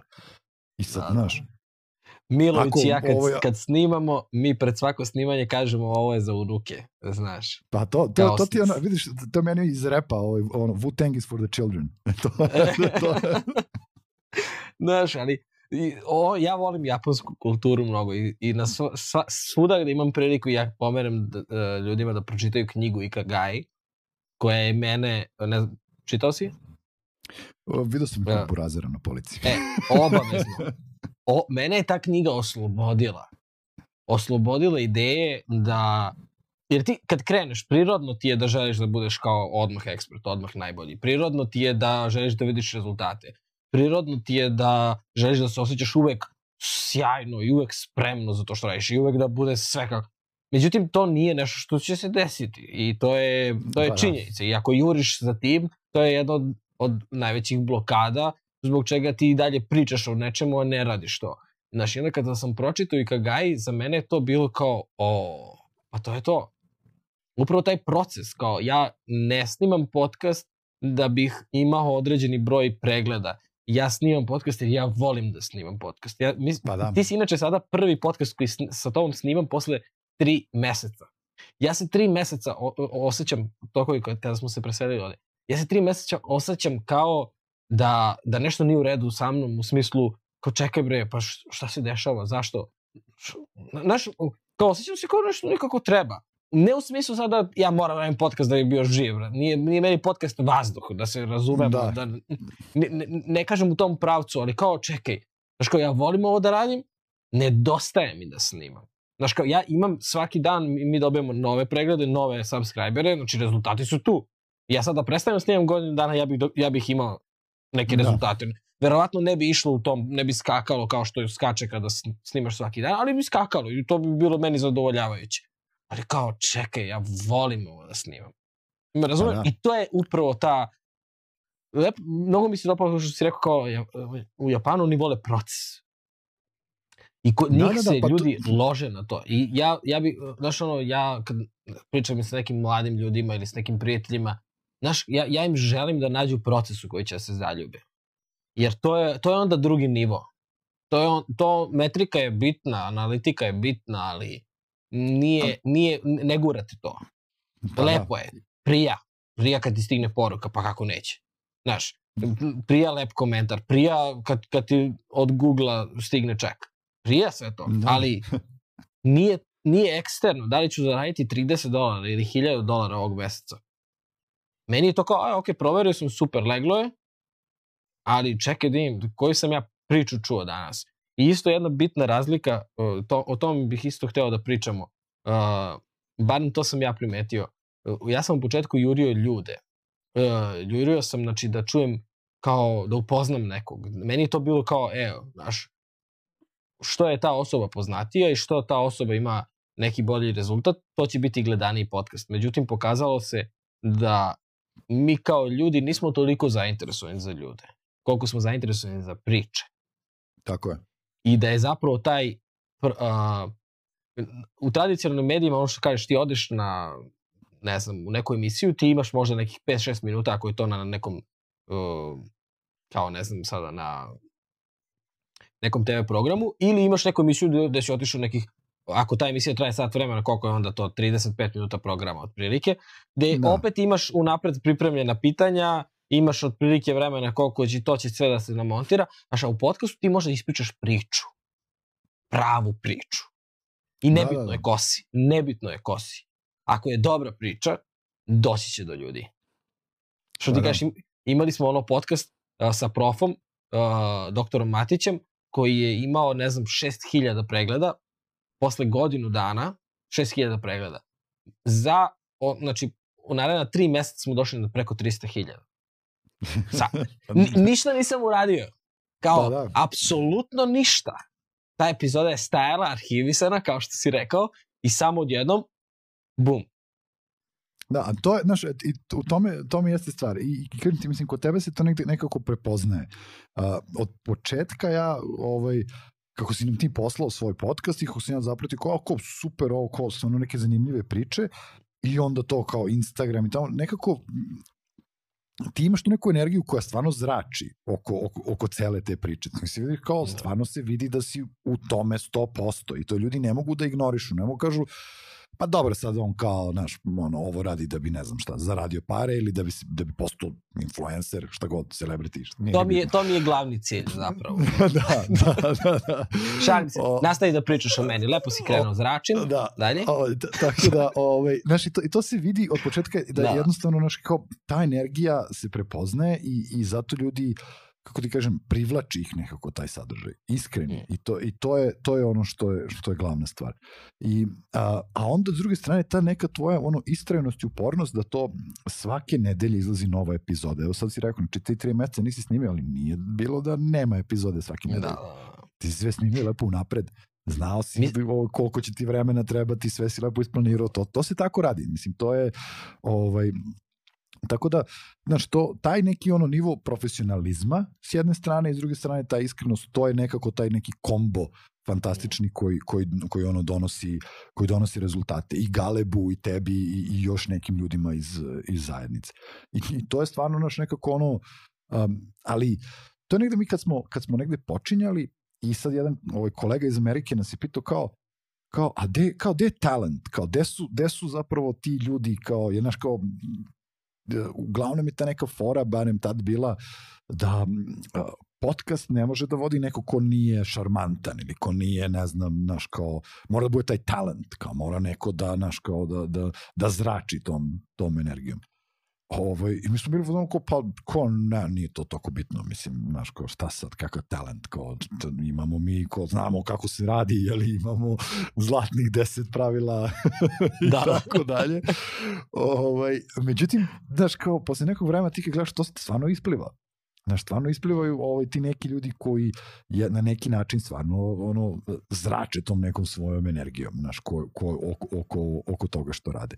Tako da, znaš, ima tu negde ovaj, a, ako neko traži formulu za, za uspešan, uspešan podcast, onda je to, to negde možda to. Znaš, tako da, dosta sam te hvalio. Ovaj, recimo, dok li si stigao sa studijom ne, tu? ne. Pa tek je, a, nema veze, ajde, daću ti još. a svi kako sam se učutao, ja, ja kad o meni pričaju dobro, ja, ne, ja nemam šta, što, što se me, da te Da, prekidam. što-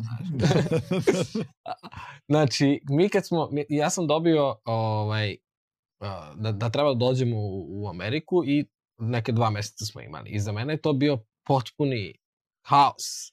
Mi smo snimili preko 20 epizoda. Sad ti razmisli koliko treba, znači ako imam 60 dana otprilike, ja sam svaki treći dan snimao, što znači da sam se konstantno pripremao, a pritom sam se pripremao da se moj život preseli Da, da, da. na, na potpuno drugo mesto. Pa kao ajde da, znaš, ono, da se vidiš sa nekim ljudima, pa da, da, da jedem sve živo, punjene paprike sam jeo konstantno. znači, znaš, kao sve ono da, da moj omiljeni kolač sa makom sam išao, šest puta sam ga jeo, više mi se nije jeo, ne znam da li mi je omiljeni više. Znaš, kao, kao, kao Jesi konfuzije shvatio da u svega. Americi imaju paprike i mak? e, još uvijek nisam jeo punjene paprike ovde, ali jedem burrito stanu i ugojio sam se 5 kg, moram da kažem to, to. to mu dođe to manje više. da, da, da. Pa tu je rola. Samo izvadi feeling, natrpaju papriku i to je to. Znači kao potpuni, potpuni haos svega, ali kao meni je jedini prioritet, znaš kao ne, ne odustajem od toga da mora da se objavi. Kao, Pa ba, da. ba, baš kao po svaku cenu, kao, zato što Mora, kao, to, je, to je jednostavno nešto, neki dogovor koji sam napravio sam sa sobom. Negde si rekao isto da, smo, da je neko rekao da snima za sebe, uh, Marko, Marko Vidojković. Vidojković. Da, da. Da. Kao ti stvarno moraš da imaš i neku tu dozu sebičnosti u, u, kada radiš podcast, sad pričamo o podcastu, gde ja, konkretno ja, ja ne znam kako drugi rade, ja moram stvarno da budem zainteresovan za tebe, za tvoju priču i za ono što ti imaš da kažeš, da bismo snimili podcast. Kao uvek će mi biti drago da upoznam neke ljude, ali to ne znači da, da će to ići, ići u podcast. I dobijam super neke predloge. Stanu, ali znaš kad nemaš, ja lično, ja ne, ne, nije mi kliknulo da da to treba da bude kod mene u podcastu. Pa jest. I to je ta jest. sloboda koju ja, na koju ja idem kao, ne bih ja da sada sam voditelj. Ti jedan, ispričati ti jedan primer, ovaj, potpuno onako a, soludi koji se, koji se meni dogodio barem iz, iz te radijske karijere. Znači kada, mm -hmm. smo, kada smo vodili tu emisiju, to smo glavno radili moj, moj brat i ja i uh, ona se zvala Kontrabas i uh, bavila se ono, onime što je nas zanimalo, aj tako da kažemo. Iako smo mi negde zvali da kao ona se bavi, da kažem, nekim audioturizmom. Jer sam se ja tad u to vreme dosta ložio na, na, na zvučne zapise prirode i, i tako dalje i onda smo uh, on je završio glumu, onda smo mi to stvarno nekako kombinovali, imali smo tu i neke poetske jazz večeri i uh, uh, tipa, ne znam, uzmo, obrađujemo samo um, afričke ritmove iz zapadne Afrike, jednu celu epizodu i tako dalje, pa ne znam, zvučni zapisi iz jugoistočne Azije, puštamo ne znam, zvukove pijace sa Mjanmara i tako dalje. I, i znaš, kao, to, tu, tu emisiju stvarno jako malo ljudi moglo da sluša uopšte. Ali smo se mi toliko ložili na to, nama to toliko bilo dobro i uh, i pravili smo tu arhivu, mislim podcast, jeli, ovaj, uh, i tad je tom trenutku je Tumblr bio popularan, kao nešto se to pojavilo, tek ljudi su to krenuli da otvaraju, da imaju tamo neke naloge i mi kao, pa dobro, ajde, ovo nam je jednostavno, tu može da nam bude arhiva, vrlo lako možemo da, da, da to napravimo da lepo izgleda. I mi smo to tu kačili i u jednom trenutku mi je stigao mail od Tumblera kao ja popunite ovde, ne znam, ovaj, ovaj neki upitnik i ne znam, ne mogu setim šta be, nešto kao popunite upitnik e, za, zato što ste vi muzički blog i nama je to cool, cool dobro šta god. A u tom trenutku, znači mi smo imali možda kao dva pratioca na tom Tumblru, to su neki naši drugari koji su ujedno imali neki svoj Tumblr za neke svoje stvari. A, I onda kreću stižu mailovi. I kao 20 pratioca danas. 50, brate, 100, 500, brate, ko čoče šta se dešava. I, I ja tu već krećem da paranoišem ako ja, ne, neko nam je hakovo Tumblr, sad treba sređujem ponovo celu arhivu, pa sad, znaš, kao, ko će sad da se zeza sa time, odoše nam sve emisije, pa sad će oni tu da krenu nešto u komentarima da prodaju, da ono kao skače linkove, jao, jao, jao. Međutim, ništa se od toga ne dešava, ako samo raste broj pratilaca Tumblera na jednom trenutku 30.000, a kao mi ništa ne radimo. I, i ja kao, ček, šta se desilo beše sa onom, sa onim formularom što smo popunjavali? A, I ja shvatim da je Tumblr, uh, to je neko ko radi u Tumblru, je prepoznao naš, uh, ovaj, naš taj blog, uh, i oni su nama zapravo kao ciljano poslali da mi popunimo taj formular a, zato što su oni nas stavili na kao top 50 muzičkih a, blogova na Tumblru, među kojima se nalazi oficijalni ono, Tumblr Rolling Stonesa, ne znam, to je časopisa Rolling Stone, ne, ne, ne grupe, ali um, ne znam, Pitchforka, Wireda i tako još nekih ono neverovatnih medijskih kuća i kao mala podcast emisija iz Srbije na srpskom jeziku koja se bavi zvučnim zapisima, mislim iz, iz jugoistočne Azije. Ovaj, wow. tako da Znaš, ono, koliko god je to bilo obskurno, mi smo se čak zezali, pošto smo mogli da pratimo uživo tu analitiku slušanja i kao to je bilo uvijek nešto tako desetak slušalaca, da smo se zezali, ajde da vidimo kao koliko obskurnu muziku možemo da odaberemo, da vidimo da možemo da oteramo sve ljude. Da nas niko ne sluša Ali, znaš, kao to, ta iskrenost u svom tom sadržaju koji su da. mi proizvodili je nekako došla do nekog tamo u Tumblru, on je to pustio, bio fazonu ko čečok, šta god da je ovo, ne razumem jezik, šta god da je ovo fantastično, daj da ih ubacimo ovde i kažem ti, to je kao u roku od, ne znam, par meseci. Mi da smo teli nešto dalje da monetizujemo taj sadržaj, vjerojatno smo mogli, ali ovaj, kao što ti rekao, u tom trenutku sam ja onda počeo da vodim ovaj čitav radio i ta emisija je to na, na, na vrhu svoje popularnosti ugašena. Koliko je to neobično. Kao nikada mi u životu nije palo da zvuk pijace iz istočne, iz, iz istočne Azije pa, si rekao, Da, da, da, iz Mjanmara, pa imaš, ne znam, znaš, ima tu svašta, to je, da imaš čitavu, čitavu tu scenu ljudi koji se bave uh, tim kao field recordings, uh, gde idu Zanima me šta ste ti tvoj brat, to su ti tvoj brat radili? Šta ste vas dvojica razmišljali pre nego što ste odlučili da krenete da istražujete zvukove istočne Azije? Kako ide uopšte razgovor? E, mogli bismo da, mislim, u, u, u kom si stanju, znaš kao, odakle dolazi ta ideja? Znaš Kapiram da, Ove, da si ovaj, radio ja već se... neke druge stvari pa se povezivalo, ali kao...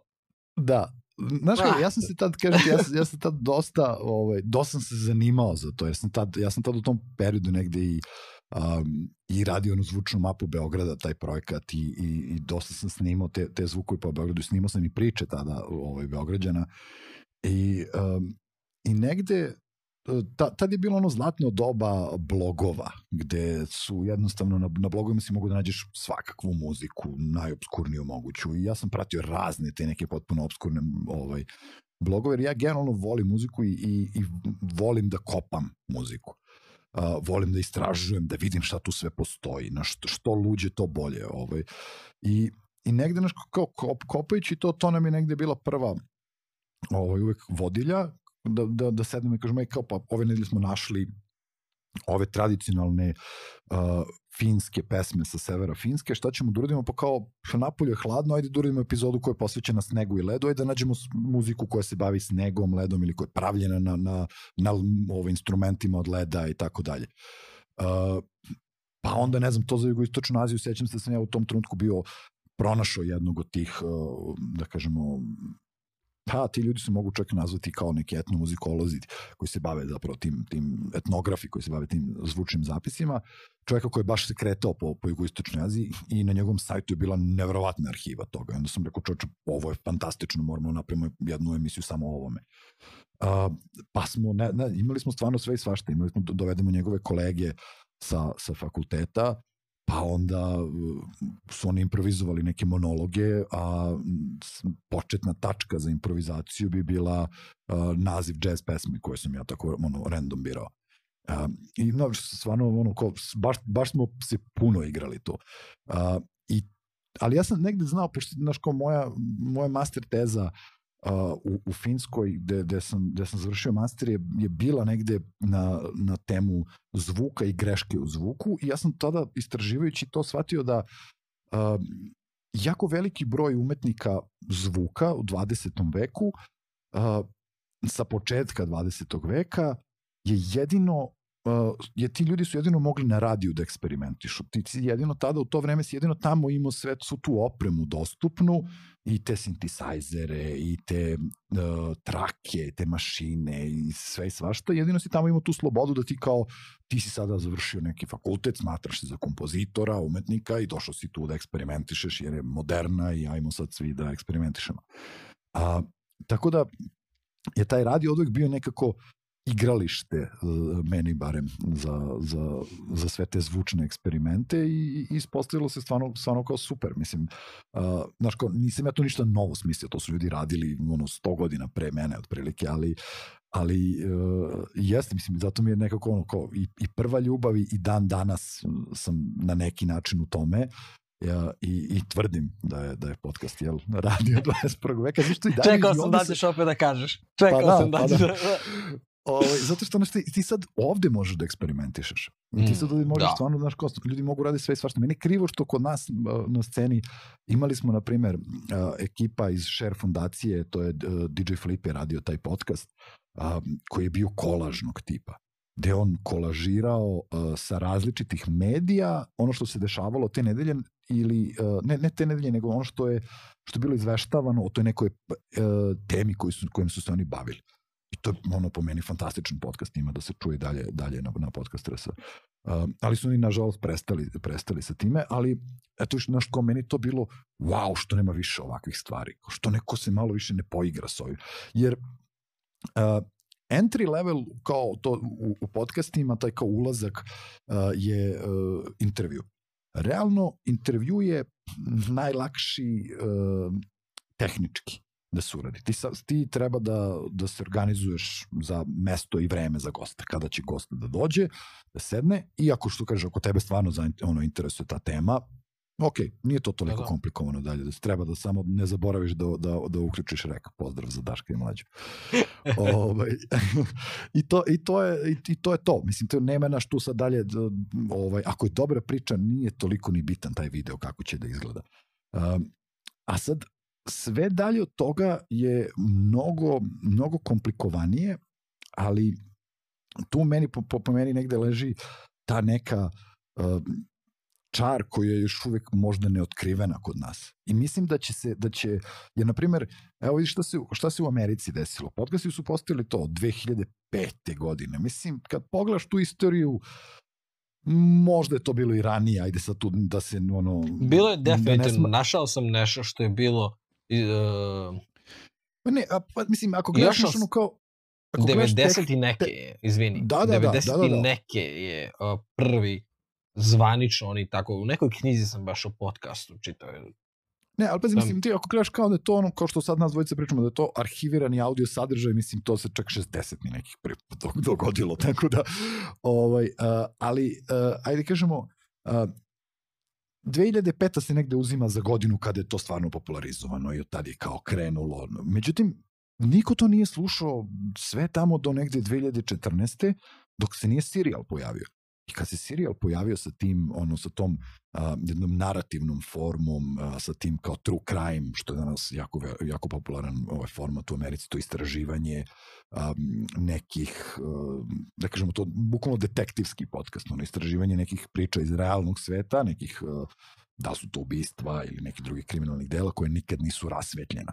A, I tih nekih deset epizoda da ljudi mogu to da binđuju, bukvalno prate to je eksplodiralo. Te, od tada pa nadalje je, je krenulo ludilo je ta pomama za podcastima u Americi.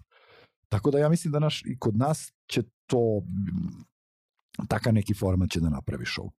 Jer uh, ovo sve, ovo sve što mi, što mi radimo sada, što se sada dešava je super, ali tek takav neki nivo priče koji je, koji je na taj način isproduciran, te, onda te ubacuje polako, to je mislim tu onda negde imaš ono što pričamo, što smo pomenjali, to može da bude za široku narodnu masu, a bez da uh, ovaj ti kao autor kompromituješ sebe u smislu da ti sada dovodiš nekoga ko je, ne znam, ono, influencer samo zato da bi imao milion pregleda na, na, na sledećem podcastu.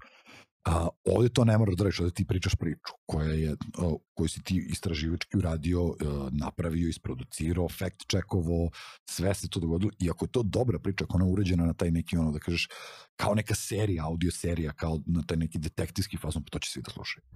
I to, I to je nešto što, što ja verujem da će i kod nas da, samo kad se bude pojavilo. Ali ne, trenutno je stvar sa time da je to jako skupo napraviti, uh, tako nešto, iziskuje puno vremena uh, i ne postoji još uvek uh, ljudi koji bi potencijalno mogli da ulože novac u tako nešto, nisu sigurni da taj novac može da im se vrati.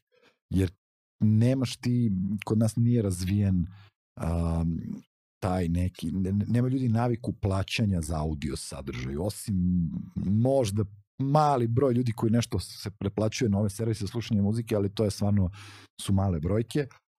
Um, znaš, teko, teko skoro su ljudi počeli da plaćaju to Netflixe, pa ove domaće neke serije da bi mogli da binđu i tako dalje. Tako da, mislim, vidim ja da to, ono, nije ovo ništa različito, samo je drugi format. Nije, nećeš gledati seriju, ali što ne bi platio isto tako, ne znam, 799 dinara za 10 epizoda podcasta da bi mogu da izbinđuješ odmah svih 10, jer je neverovatna priča i posle prve epizode jedva čekaš da čuješ sledeću, da bi šta se zapravo dogodilo.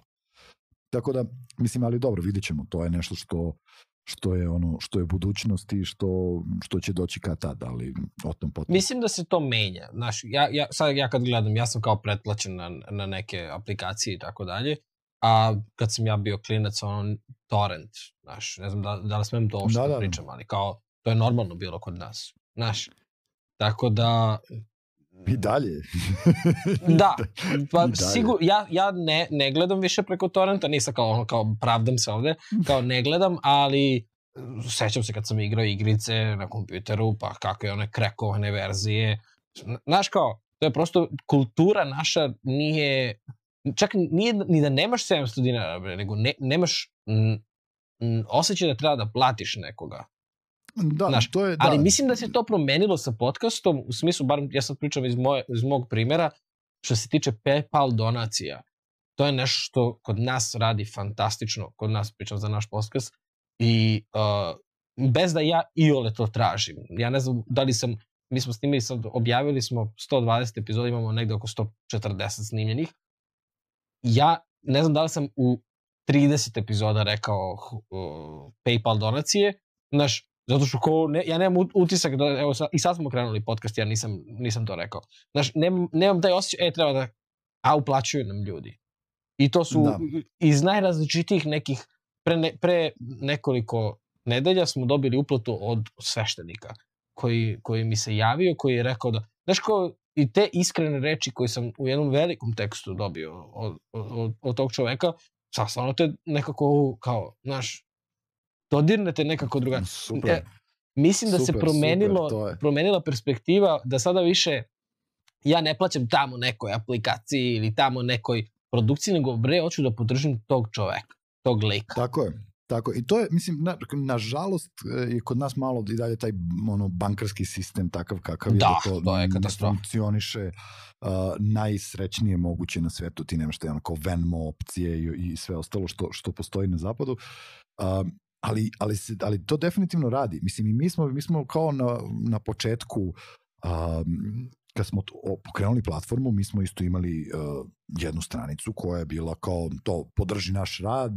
mi ovo sve radimo kao zato što radimo, ali kao neko mora plati servere, neko mora plati sajt, održavanje, domen i tako dalje, te, sve te gluposti. I stvarno su ljudi uplaćivali.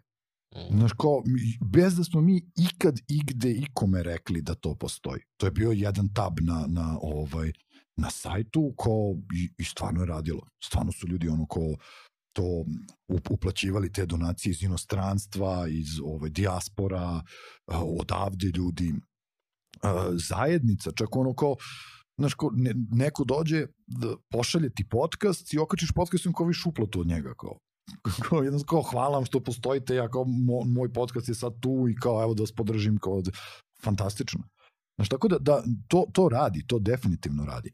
Um, mislim, samo je, um, kažem ti, malo je ono ljudima otežano još uvek, ni, nemu tu, pogotovo da kaže starija populacija koja bi verovatno možda čak i najviše ono je finansijski ima najviše tih nekih sredstava raspoloživih za taj kao leisure time, za free time, nešto što bi mogli da ono kao doniraju negde nekome ti ljudi jednostavno naš nisu to tehnološki pismeni da tako nešto urade. Mm. A, I naš seća se da ono Daškove i, i mlađene priče sa početka gde su njih ljudi kao ono zvali telefonom bili fuzon aj se nađemo da vam dam pare. Kao ja ne ne naš ne, ne mogu ja sa to ništa mi tu nije jasno. Evo kao evo ti ovako ne znam 1000 dinara na ulici i kao vozi. Tako da ovaj znaš, to, to, definitivno to definitivno Naš to radi. Narod. I to je nešto da, da. Znaš. I to je I to je nešto što, što treba da da nekako, znaš, to, to treba bude tako zato što ti iz te zajednice um, i krećeš i to, to su ljudi za koje ti to radiš. Bez njih, ono, ti, mislim, to, ok, jeste ta priča, radiš ti to za samog sebe, ono, kao da ga radiš za samog sebe, radiš ono što tebe zanima, ali uh, ne možeš da to kao, mislim, onda što kačiš na YouTube, što kačiš bilo gde, ako ti ako se radiš potpuno samo za sebe. Znači moraš za nekoga nek, neki neki feedback, neki ljudi to gledaju, prate, javljaju ti se, kažu e ovo dobro, ovo nije dobro, možda bismo hteli ovo, možda bismo hteli ono. Poslušaš većinu stvari, nešto možda i ne poslušaš, mislim naravno sva svakakvi se ljudi javljaju. Ali bez te nekako te kao ono ključne zajednice nema dalje nema dalje te te razrade uopšte i dolaska do nekih većih brojki i, i, i ostalo mislim i čak i taj Joe Rogan je krenuo prvenstveno od te, te svoje MMA priče i od tih UFC da. likova i to tako dalje, pa su njega ono i dan danas mislim kao ti, mene, skoro, skoro sam nešto ovaj, izvalio da, neki od tih naših UFC boraca kao, ja kao Joe Rogan ovo ono, ko, ok, mislim, verujem da čovjek možda ni ne zna da postoji podcast da imaju podcast i ovde kod nas, ali ko slušaju ljudi Joe Rogana, mislim, to je, to je nekako, naš, kao, to je došlo iz negde iz njihovog, iz njihove zajednice, iz njihovog interesovanja. Tako da, Znaš, i to, i to je to. A tek onda posle dolazi ta priča ono kao sponzori a, i, i, i sve ostalo. I mislim, eto, imamo primere to, na primjer, to Daško i Mlađe, da su oni potpuno drživi samo, samo od, od Patreona i od, i od, i od, da kažeš, ono, kao donacije ljudi, zato što ljudi žele da ih slušaju svako jutro. Ima ljudi koji jednostavno ne mogu bez Daška i Mlađe svako jutro i žele tih dva sata da, da, da ih oni probude i da im ono ulepšaju život i da, da ih razvesele i kao ne, ne žele da se to ugasi. Onda će da, naravno da će donirati svaki mesec samo da bi to trajalo, da bi, da bi oni mogli svako jutro da, da to slušaju. Tako da, eto... A to je i ovaj, okej, okay, ono kao kupuješ novine, znaš, kao plaćaš neke druge stvari, pa što ne bi plaćao, mislim, na kraju podcastera meni je isto kao u podcastu zanimljivo isto što, kad si malo pre rekao sponzore, što se napravila velika razlika između reklama i sponzora. Gde ti sada više, nije samo da sada neko ti platio reklamu pa ćeš ti da ispričaš nešto, nego ti imaš nekoga ko, ko zapravo ima duplu korist. Ne samo gledanost kod tebe od brojeva, već i u narodu je kao oni koji prate kažu, evo, ovi su baš cool, znaš kao, podržali su sponzori su u podcastu. Pa, Znaš kao, da, nije više da, samo ko... ova nešto, nego kao... Ali al to ti je fora, mislim, za razliku od tradicionalnih medija, ti prodeš kao reklamne blokove, pa se tu reklamira ono ko, mm. ko god, ko god plati za to. Ovaj, ti, ti ovde uh, prodaješ, uh, da kažemo, ono, svoj imidž na neki način. Prodaješ da. to što si gradio tu, tu zajednicu i, i tvoj autoritet u toj zajednici prodaješ. I, i, to, ne, i to vredi, ti si to gradio uh, veoma marljivo i vredno i ti to nećeš da praviš bilo kome. I, i to je super stvar kod, kod, kod podcastera, što um, oni neće da prihvate bilo koje sponzorstvo. Znaš, neće sa tebi da dođe, ne znam, ono, na primjer, za tvoj podcast da ti dođe neko... Alkohol. Ili da, cigare. Da, alkohol, da, ili cigare, ili, ili neko ono prepuno šećera, piće i kao ti kao, da, da, da, važi, super, može. Kao, da, da, da. Znaš, kao, to je kladionica, mislim, znaš, kao nema šanse. Znači, vrlo znaš... E, ono, inače, kao... inače, kladionica nam je spozor u... da, ovog podcasta. ovaj, uh, znaš, tako da, uh, I to, to je opet, našo, kažem, to to ono što smo pričali negde, to je uzajemna stvar, znaš, ti si već za njih izgradio tu nišu, oni znaju da kad se reklamiraju kod tebe, uh, vrlo je jasan profil ljudi, oni ako se reklamiraju na televiziji, pa to će da vidi i gospođa od 79 godina i dete od 13 i ko znaš, hit and miss, ko nešto, neko je to možda čuo koga to zanima. Ali većina nije. Ovaj, tako da, znaš, sa, sa te strane, ako tebe kad se reklamiraju, to, to, to su ti ljudi. Znaš, kod tebe ako se reklamiraju, reklamiraju suplementi, ako se reklamiraju neki sportski proizvodi, uh, 99% ljudi koji prate tvoj podcast njih to su zanima. U zdravlju, da, da, da. Tako je, njih to zanima, mislim, oni su ta target grupa, nema, nema znaš, ono kao, i pritom a, vole tvoj podcast ako si ti podržan od strane toga. I ne, ne, ne nutkaš im, ne guraš im pod nos, e, kupite, kupite, kup, morate da kupite, nego kažeš, e, ovi su ljudi mene podržali da bi ja mogu da nastavim da ono, dajem ovaj dobar sadržaj za džabe. Pa, uh, većina njih zapravo, čak to i ono neka BBC-eva istraživanja su pokazala, uh, da čak 70% tih ljudi će uh, preferirati taj brend u odnosu na, na sve konkurente. Zato što kao taj brend je stavio za nečega što oni vole. I da, ono, gu, da. gura tu priču i da, da ta priča ne bude da se ne zatvori. Znaš, da ti sad ne kažeš u jednom trenutku ljudi, znate šta, ovo nema smisla više, mislim, ja moram živim od nečega, bre, ovaj, nema od sad pa nadalje u buduće 20 evra svaka epizoda i to je to, ili plati ili nema, nema novih podcasta. A ovako, kao, pa evo sad ko imamo sponzora koji nas podržava, pritom vas ništa ne smara, ja samo kažem, to je sponzor ili stoji tu na stolu, sve super, idemo dalje, priča je ono, vi slušate ono što vas zanima, niko ne prekida taj sadržaj um, nekim napadnim reklamama, punim muzike i svega, nego jednostavno sve ostalo isto, samo je neko to ono potpomogo da ostane isto tako. Tako da, znaš, mislim, to, to su onako um, podcasti su stvarno fan, fantastični za, za, za, za reklamiranje i, uh, i naše iskustvo je da počinju polako to određeni brendovi u Srbiji da kapiraju. Nije, da prepoznaju, to, da, da. Da, počinju da prepoznaju. Uh, već smo mi ono počeli da dobijamo neke uh, neke ponude u smislu kao, ok, ovaj brand bi da se reklamira u podcastima, uh, pomozite nam da, da dođemo do, do određenih podcastera i tako dalje, jer, jer ipak je to da kažeš ono, nezavisan sadržaj, gomila ljudi tu nema registrovanu firmu, na primjer, sad kao kako će ti da se reklamiraš kod njega? Mislim, kao, da, kako da. će bilo kakav ugovor da se to dogodi, ne, ne postoji. Uh, I onda smo mi tu negde da kažeš ono kao, pa ok, mi ćemo to sve da rešimo za vas, nikakav problem, mi ćemo da, da te ljude angažujemo, mi ćemo da ih isplatimo, mi ćemo da, da to sve preuzmemo i tako dalje. Tako da, ovo, a i naravno, mislim, njima je lakše da ono, imaju jedan ugovor nego deset. Tako da, znaš, tako da to sve, sve negde na kraju počinje da se dešava polako. Pa počinje da se razvija cijela ta priča i vreme je. Znaš, vreme je s obzirom da se i kvalitet podcasta diže na neki, na neki drugačiji nivo, a to opet možeš i da vidiš po zainteresovanošću ljudi koji se uključuju u te, u te razgovore, da, da, da. ali meni i dalje kao naj, najfascinantnija stvar do kojih ti ljudi kao individua možeš da dođeš. Za mene je to kao mm, jedan da. potpuno, potpuno drugi nivo. Uh, uopšte mm, čak i samih tih razgovora, znaš, jer ajde da kažemo da sam u nekom čudnom svetu došao do svih ovih ljudi, a da nismo snimali razgovore, nisam siguran da li bi to bilo da, da li bi to bio taj kvalitet, da li bi to bilo te informacije, jer ti nekako imaš i neku odgovor, ti ja sad smo se našli na kafi, ti ja ne bismo pričali o svim ovim temama na ovaj način. Pričali bismo o podcastu, ali tvoja da. odgovornost je na malo drugačijem nivou sada, jer znaš da će ovo neko možda da gleda neki klinac ili neki lik koji ima firmu i koji ne zna šta više da radi, koji, koji će kaže, znaš, ovo neko može da pomogne. I kao sama ta ideja koja meni kao uvek stoji u glavi, to je da neko iz ovog razgovora sada u ovom trenutku može da, dok sluša, da uhvati samo jednu informaciju, jednu trunčicu koja je ono seme, znaš, koje može da nikne nešto. I on ne mora nikad više da se seti da je on to čuo u ovom podcastu. Da. Ali kao sama činjenica da je to možda odavde krenulo je, je meni kao...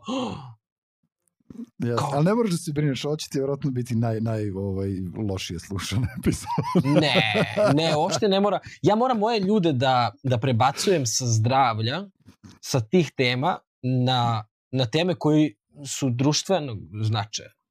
Kao meni je ovo društveno odgovorna tema. Kao podcast je nešto o čemu treba mnogo više da se priča nego što se pričalo. Ja sam do sada u tri ili četiri epizode pričao, ne, u tri sam pričao o podcastu, baš, kao, i ne, ovo je treća.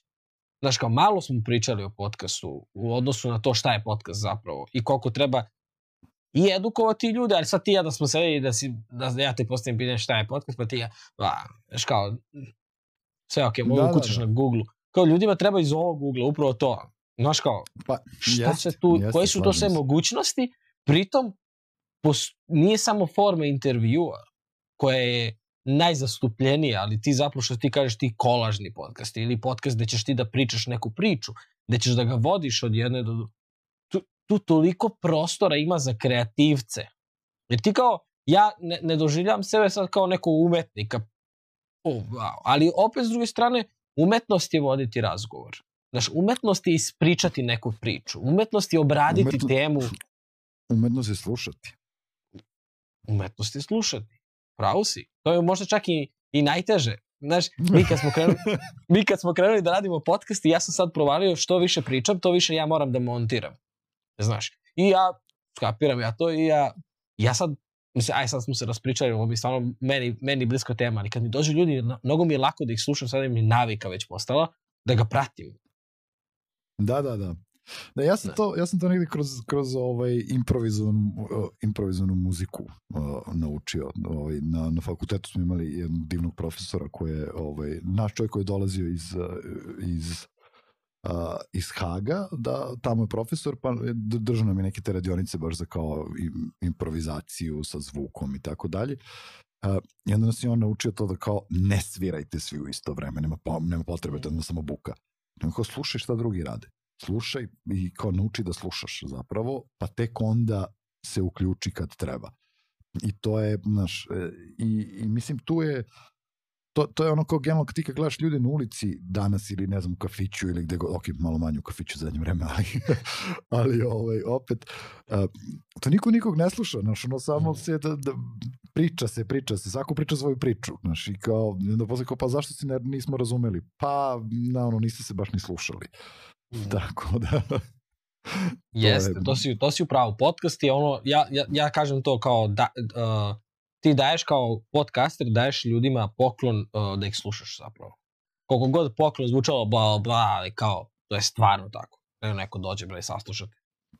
Pa da, imaš i te, mislim, i, i ono ko imaš i te kao, da kažemo, ajde, trikove, ali načine na koje, uh, načine intervjua, načine koje ćeš da postaviš pitanje, kako ćeš ako imaš gosta koji je uh, ko će ti odgovori šturo na, ne, na neko pitanje. Introvert kako neki, ćeš, da. da. kako ćeš da, da, da izvučeš dodatno, dodatnu informaciju. Mislim, tu sad ima mali milion fora i fazone, to se sve negde uči. Ok, naravno, neko ko je školovan novinar to zna, ovaj, ali Uh, mi podcasteri uglavnom nismo, mi to sve moramo da, da prođemo tutoriale, ono, to, da. top 10 uh, ways, to jest interview techniques i tako dalje. Ono, Joe Rogan top 10 interview techniques.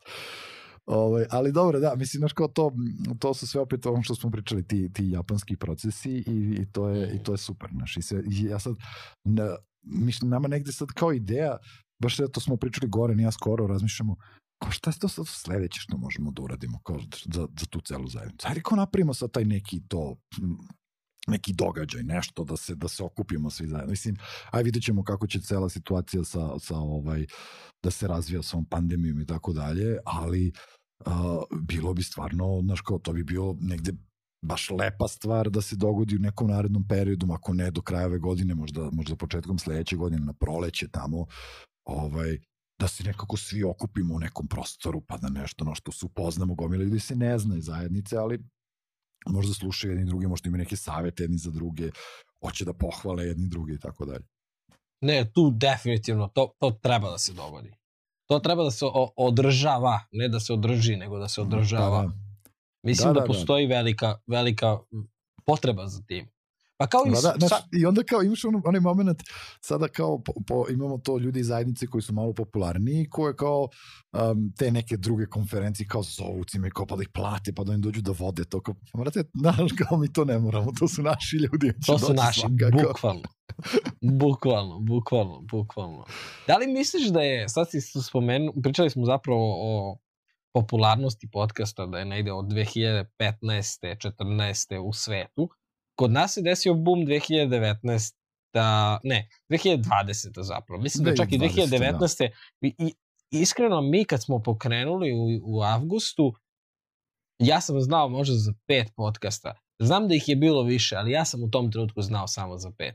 Uh, mislim, danas znam da ih je bilo više, u tom trenutku nisam znao. Uh, da li misliš da se cela ova priča sa sa ovim što se dešava u poslednje dve godine. Da li misliš da je to imalo uzrok?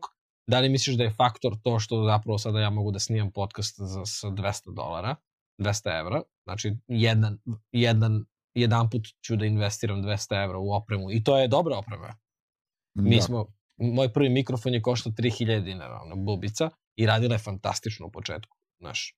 Tako da kao možeš, sa 3000 možeš da kreneš podcast da snimaš. Da li misliš da je to? Šta misliš da je zapravo tu glavni ne, faktor.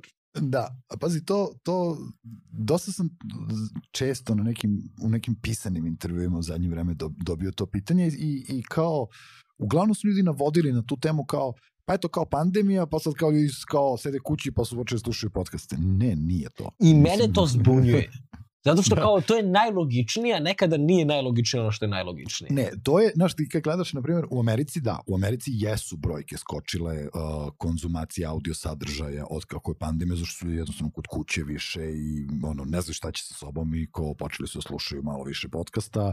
Zapravo čak je uh, gomila podcasta i pokrenuto ovaj, tada, jer su kao svi nešto kao kući smo, pa šta ćemo radimo, kao ajde, ajde pravimo podcast. Uh, ovaj, ali kod nas to nije bila situacija, kod nas je to jednostavno samo zapravo slučajno poklopilo.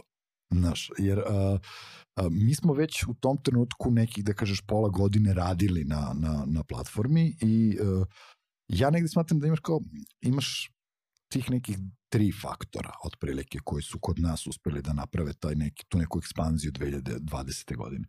Uh, prvi od tih faktora je znači uh, zapravo to da napokon se pojavio taj dom, da kažeš, za podcastere. Znači, mi smo napravili tu platformu i počeli smo da radimo na toj popularizaciji. Mi smo počeli da negde, počeli da se malo piše o tome, tu i tamo neki medij izbaci neki članak, podcasti, to je sad nešto novo, uh, mi smo okupili sve te ljude na jednom mestu uh, i negde recimo, to, čak ja mislim taj taj april kada je kada je proglašena ovaj pandemija u Srbiji, ja mislim da smo mi u tom trenutku već imali nekih recimo 50-60 podcasta, na primjer, na, na, na sajtu. Znači, znaš, već je to bila ono kao neka brojka da se ti mogu tu da prokopaš neki sadržaj. Bilo tu i sportskog sadržaja i, a, i, i kulturnog i dosta sadržaja koje dolazi iz, da, iz civilnog sektora. Znači, mogu si svašta tu nešto tu da pronađeš. Preduzetničkih, naravno, podcasta dosta i, i tako dalje. A, tako da, ono što, jednostavno, mi smo već radili na popularizaciji toga, To je, bila, to, je bio, to je bila jedna stvar. Druga stvar je, Galeb se pojavio. Znaš, oni, oni napravio stvarno neverovatnu stvar za, za, za zajednicu, za popularizaciju uopšte tog formata na, na, na onu području čitavog Balkana. Tako da, znaš, kao, to je, to je drugi kanal, da kažeš, uh, druga, druga strana te priče. I treća strana je što su se pojavili, uh, pojavili, pojavio se neki novac pojavio se, se, pojavili su se fondovi inostrani koji su uh, davali novac za razvoj uh, podcasta kako kod nezavisnih medija, tako kod, um, kod tih, da kažem, organizacija civilnog društva. Jedan puta se ta u projektnom poslovanju pojavila ta reč podcast, kao ti si sad mogu da komuniciraš uh, ono što radiš kao, kao udruženje građana i kroz podcast. To je sad postalo jedno kao normalna stavka u budžetu koju ti mogu da staviš namo i sad kao sad ćemo da radimo podcast. Uh, I te tri stvari su zapravo ono što, što, se, što, je, što je uspelo da, da negde da popularizuje celu tu priču. Pandemija nema mnogo veze s tim. Ok, jesu ljudi uh, bili kući, bilo je tu nekih, imali smo mi, na primjer, neke momente, ja sam to mogao da ispratim, na primjer, gledajući analitiku, sećam se da je kolega Željko, podcast Male pobede, on je, na primjer, na samom početku imao epizodu koja se zvala Koronavirus u Srbiji. Ta epizoda imala nešto nerealno ono pregleda, zato što, jeli, kao bila je SEO užasno friendly. Kogod je ukucao to na, na Google-u, mm. dobio je kao opciju tu epizodu. Ja mislim da je ona u jednom danu imala nešto ono 4000 ovaj, pregleda ili tako, tako, ne, tako nešto, mislim. A, A onda posle se dešavala i situacija isto da, da su ljudi počeli tu da pronalaze sadržaj koji nisu mogli nađu nigde drugde. Jer sad kao, ok, pandemija, sve to nešto kao, ne znam, online bioskop, online pozorište, sve online, svi ćemo preko Zuma sve da radimo. A, ali to, to nije to. Mislim, kakvo pozorište preko Zuma i kakve gluposti. Mislim, dajde ljudi, znaš, kao, nema, nema potrebe. A, i, ali podcast je cool. Mislim, kao super zvuči, dobro je, kvalitetno je, ne, ne izgleda trash, sve ovo ostalo izgleda trash preko Zuma. Ali podcast je priča, ti ne, ne moraš da gledaš, samo je bitno da je neko to dobro, kvalitetno snimio i to je to. I onda su se tako počele, naš, ja sam počeo, kako sam pratio to šta se sve dešava, gde se priča o podcastima, počeli su da se pojavljaju tako na nekim naš suludim stranicama tipa um, bude gost nekog podcasta neki pedijatar koji priča o tome šta se sad dešava sa decom uh, tokom, tokom virusa i sa vrtićima i tako dalje ili kako u stvari ne, ne, ne, priča je bila šta raditi kao kad su deca po celam kući a ti imaš posla i to kao kako ih zanimati kako nešto naš i onda ne znam tipa neka prečkolska ustanova na, na jugu Srbije uzme i objavi ono link direkt ka podcast RSU kao evo top 10 stvari šta da radite s decom dok ste kući i ne znate šta ćete sa sobom. I to kod jedan puta bam, gomila roditelja dođe na sajt, krene sluša podcaste. Mislim, tako da, znaš, kao, ima, imalo tu različitih, kažem ti, stvari, ali, ali mislim da je to to što smo jednostavno napravili tu neku kao ono, okupili zajednicu na jednom mestu, to što je, što je Kaleb uspeo da napravi uh, taj, taj veliki boom i to čak ja mislim, on imao te neke ekskluzive, sećamo se ono sa, sa, ovaj, sa Đuričkom i to što su odmah mediji, kao to, to je, to je ja mislim, prvi put da su da kažeš ti tradicionalni mediji portali citirali podcast, kao čuli su mm. u podcastu. I onda kao ljudi koji čitaju te portale svaki dan, kao šta je podcast jedan puta. A link vodi na podcast RS. I dođu tamo i onda lepo krenu da gledaju. Aha, pa vidi ovde što se to ovde, kao svašta nešto ovo, neki, neki radio. Ne?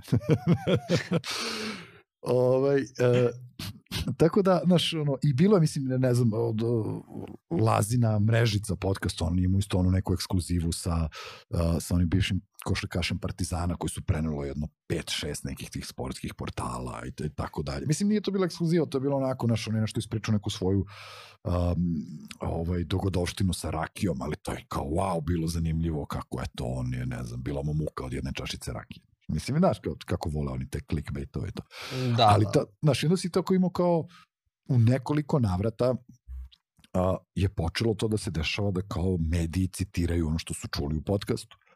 I ovaj, tako da naško, razne si tu imao neke kanale popularizacije, ali definitivno ja stvarno sam ono, smatram da, da pandemija nema nikakve veze sa tim. Znaš, mislim, ljudi su zatvoreni kuće, ali um, ali su ljudi uglavnom navikli i dalje ovde na Balkanu da se na YouTube. U tom trenutku nisi imao puno podcasta na YouTube i nisi mogao tek tako lako da, ni da dođeš do njih.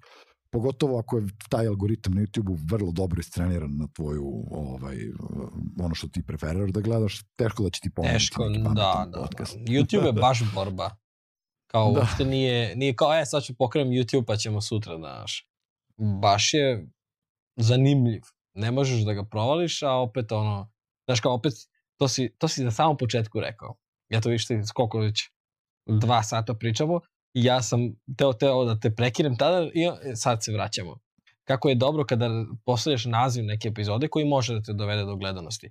A onda opet imaš, ne znam, Joe Rogana koji postavi samo ime i, i broj epizode i Galeba koji to isto uradi i ima je, ono, oz, ozbiljne preglede. Znaš, tako da je jako zanimljiv taj algoritam koji, koji Da. radi. Nije, nije, ne- nije crno i belo, nije kao, e, sad ćeš da uradiš ovo i definitivno će ti to dati rezultat ili ne možeš da uradiš ovo, ovo ti neće dati rezultat. Zna- Mo, može da bude totalno, znaš kao, Da, da, bukvalno ne možeš da. da. imaš očekivanja. Ali evo, evo baš na, na, na, na primjeru tvoje jedne epizode, bar, mislim po našoj analitici, a, znaš kako mi e, imamo sada u, u aplikaciji, uh, izbacujemo svakog uh, prvog u mesecu ono što je bilo najslušanije uh, prošlog meseca, ajde kažemo, znači uh, koje su bile to najpopularnije epizode gde su se ljudi najviše vraćali. I sad uvek se trudimo da našom ko to bude tih nekih 6-7 epizoda, uh, od uh, svakog autora naj, najslušanija epizoda ko je ušao u tih, da kažemo, top 10. Uh, I gledamo da negde, znaš, da ne bude da se te epizode ponavljaju, jer kao želimo ljudima da pružimo da, da onoj, u, uvidu sav taj sadržaj koji ti autori rade. Uh, ali, na primjer, tvoja ona epizoda za, za popravljanje vida, Mm. kao, ono, ne možeš da se otarasiš. Non stop, da, ne, ne možda, da, ne, znači ona je stalno i stalno, ja sam u fazonu ljudi, šta se dešava u Srbiji, niko Da. ne vidi, mislim, kao, da. Ne, to je, ja sam dobio, a, sad ću ti ekskluzivno odgovoriti, ja sam dobio preko 300 mailova da kod mene dođu da, da im popravim vid.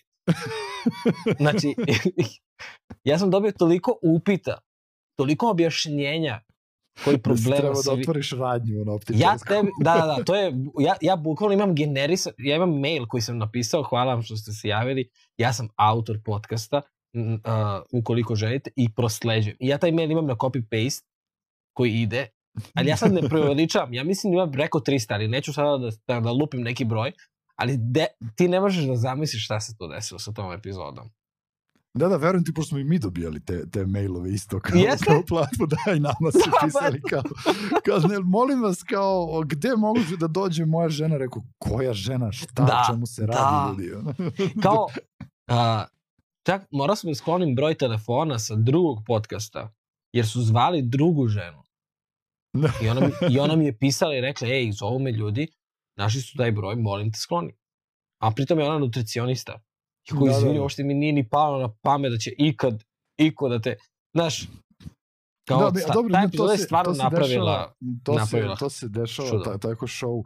Uh, mislim, mi smo imali u nekoliko navrata, a, valjda ljudi naš, ne, ne kapiraju i dalje uh, šta je agregator podcasta i onda oni dođu i, i negde doživljavaju podcast RS kao, ne znam, Blitz, na primjer. Kao sve to neka naš firma i to su sve da. naši podcasti, to sve mi radimo.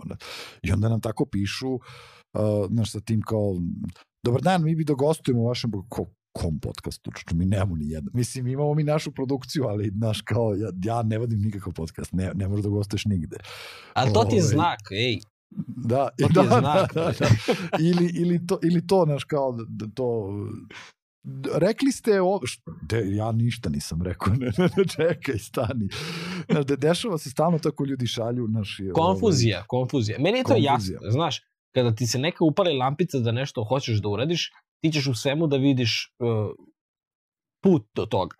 E, znaš, i onda mi, kao, baš sam se iznenadio da su vam pisali ovo za vid, ali ja nisam više posle nekog vremena, nisam bio iznenađen, jer kao ljudima je, očigledno su nešto tu malo načuli ili im je neko rekao, oni su malo pogledali, a ja odmah ću da pišem jer im je to bitno.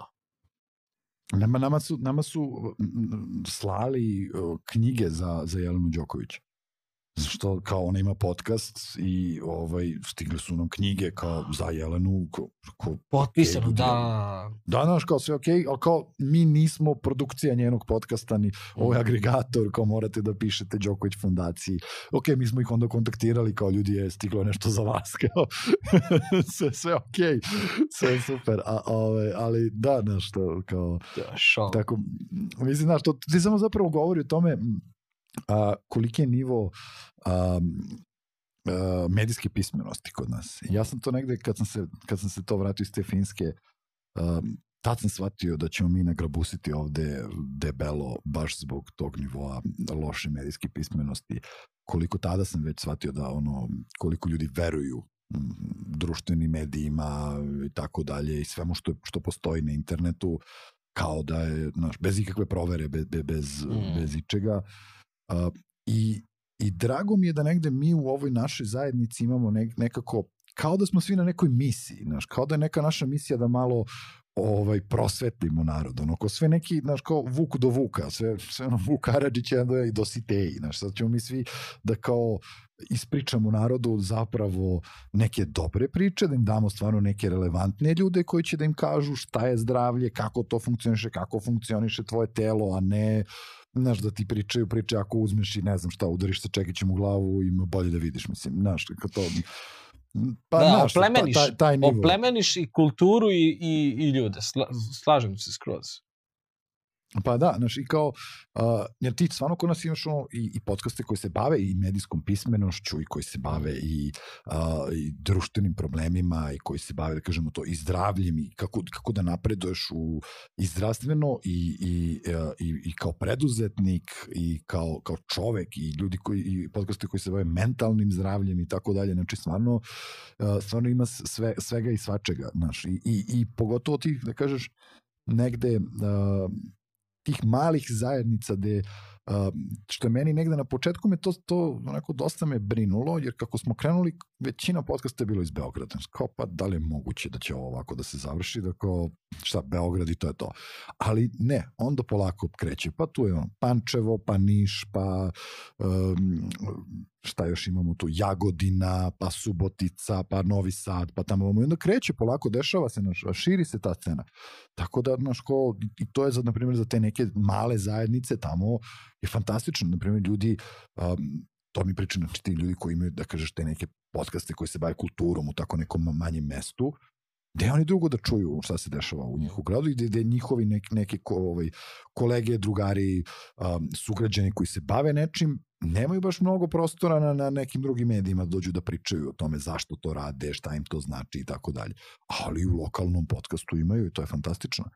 Tako da, znaš, te, te stvari su te stvari su jako bitne i i, i negde mislim da da, da, će, da će ih biti sve više i više. Ja vidim kako to polako, znaš, ono, samo čujem kao jedan put, opa, evo sad, ne znam, podcast se pojavio u, ne znam, rekao sam Jagodini ili ne znam, znaš, kao, nije bilo, do juče nije bio ni jedan podcast tamo, ali, znaš, kao kreće to polako dešava se. A to je opet ono što si ti negde rekao, a, dostupno je, tehnologija je napredovala, a, industrija je ta oko čitavog, oko, oko podcastinga je uh, jako velika u svetu. To, to je, ono, tu se vrti velika lova i onda ve, većina ovih um, proizvođača opreme uh, je shvatila da kao ako proizvedu nešto što nazovu da je to baš za podcast, Od, da, super, da. to, znaš, kao to, iako su ti mikrofoni loši od svih drugih mikrofona, kad pogledaš kako jedan mikrofon funkcioniše, podcasterski mikrofoni su najgori mikrofoni na svetu. Zato što su oni užasno usmereni i ne snimaju ništa sem tvog glasa, moraš da pričaš direktno u njih, ali su pravljeni za takve uslove. Ti nemaš gluvu sobu, nemaš ti, znaš, kao uslove takve da se ljudi snimaju u svojoj dnevni, dnevnoj sobi, tako da moraju da budu loši mikrofoni da bi zapravo rezultat bio dobar na kraju. Da bi bili dobri mikrofoni. pa da, moraju da, da, da. loši da bi bili dobri. Ovaj, uh, ali to naš sad kao udariš nalepnicu da to nešto ono za, za podcasting i to i to sad kao super, to je sad nova industrija, to se prodaje, to se dešava. Ali, hoću kažem, znaš, ono, lepo si rekao, za ti za, za par hiljada dinara već možeš da počneš nešto da radiš i da. polako unapređuješ kad god dođeš do, do ne, neke, neke nove love, ti kupiš, ne znam, neke slušalice, pa polako ima gomilu programa besplatnog, mi se trudimo da stalno nešto edukujemo ljude, da, da pišemo čak i neke, ono, članke na, na blogu o tome kako da unaprediš neke stvari. Um, u ostalom, na kraju krajeva, a, radili smo čak i onu uh, podsavetuj se online uh, kao sa, sa Ivonom uh, je bilo iz dizajn priča kako da napraviš kao kako jednostavno taj brand uh, svog, uh, svog podcasta da, da lepo izglediš i radit ćemo još takve stvari sam nismo, nismo stigli u, u zadnje vreme imali smo stvarno ono gomilu posla ali uh, to nam je negde cilj naš nam je cilj stvarno da, da, da svo to znanje koje imamo ono podelimo sa ljudima kako bi to ono imali što više dobrih podcasta. Na kraju krajeva ja volim slušam podcast i mislim slušam ih svaki dan, ali nažalost slušam većinom američke, jer kao slu, slušam ja i, i domaće podcaste, ali na primer za ono što mene zanima nema još uvek tih tema. Znaš, ne, nema ljudi koji se bave baš toliko, na primer, ne znam, ono, istorijom hip-hopa u Srbiji. To bi obožavao bi da slušam, a nema. Znaš, kao, mislim... eto, ti, eto ti prve teme, ej. Da, ne znam koliko sam ja relevantan za to. Pazi, znaš, ja... Po... ej! Mora voditelj da bude tu u priči, znaš, vidiš ti si čovjek, ono, sportista, trčiš tamo, treniraš, normalno da, znaš, kao... Ja ništa to nisam radio dok nisam krenuo da radim podcast, da znaš. Bukva, ja sam, kao kad, mi kad smo pokrenuli podcast, apsolutno ništa nisam znao. Niti o tome, Ni, ja sam, uh, tipa u avgustu smo pokrenuli, ja sam u avgustu prestao da pijem alkohol. Do dan danas nisam popio ni, ni čašicu. Uh, počeo sam redovno da treniram. Uh, počeo sam da ovim računa o ishrani. Uh, počeo sam da, ako znam da snimam podcast, ja ću da legnem ranije, da se pripremim dan ranije. Znaš kao, ja sam promenio ceo moj život u odnosu na podcast i zatim je to krenulo da bude uzajamno, da što više radim podcast, to više znam nekih stvari, ali kao moja relevantnost pred dve godine, sad i više od dve godine, i nije bila na uopšte zavidnom nivou, znaš, kao. Ali ja mislim da je najveća dišeš. blokada ljudima oprema. Meni je to bilo kao, ja nemam profesionalne mikrofon, ja nemam, i onda sam slušao to Joe Rogana i Tim Ferrisov uh, neki savet da je on pričao, ne savet, nego video, da je on pričao da njegova oprema košta 200-300 dolara. Kao Tim Ferris, ja. Da. Znaš, i onda pa, kao, da, ba... to te oslobodite. Mene to bar kao, a, okej. Okay može i ovako. Pa jest, da, kao samo, mislim, to je, to je negde stvar, ti sam treba da, treba da, da kreneš, mislim, znaš, i to ono što mm. smo pričali, znaš, kao to ljude, ljude blokira to, ja sam viđao to čak i kod nekih profesionalaca u zajednici, da, da su blokirani sa, sa time da krenu dok nije sve idealno zato što su da. videli da su neki, neki drugi kolege postavili neke standarde određene i onda kao, ne, ne, ne, to mora da bude sada, i onda se fokusiraju neke sitnice koje su apsolutno nebitne. Niko to ne gleda, niti Niko ne vidi osim tebe, da. Pa da, niko to ne vidi osim tebe. Ti kao, ne, ne, ne, ne, ne možemo sad da izbacimo epizodu zato što, ko, čoče, veruj mi, nebitno je. Znaš, ne možeš da, da ih pomeriš sa, sa te tačke zašto oni fokusirali, to mora sve da bude idealno, sve mora da bude savršeno. Kao, ali ti ni prema kome nisi odgovoran za to, osim prema samom sebi. Mislim, kao, ok, ako samog sebe peglaš sa time, to, kao, okay, to je nekad, to između tebe i tebe, ali o, ovaj, ne znam kako ti objasnim, ono, zajednica čeka novu epizodu. da, prema njima se zapravo, znaš, kao, prema njima bi trebao da si odgovoran, a ne prema tome da li je lampa ovde ili onde, mislim. Što da, stvarno da, da. nebitno.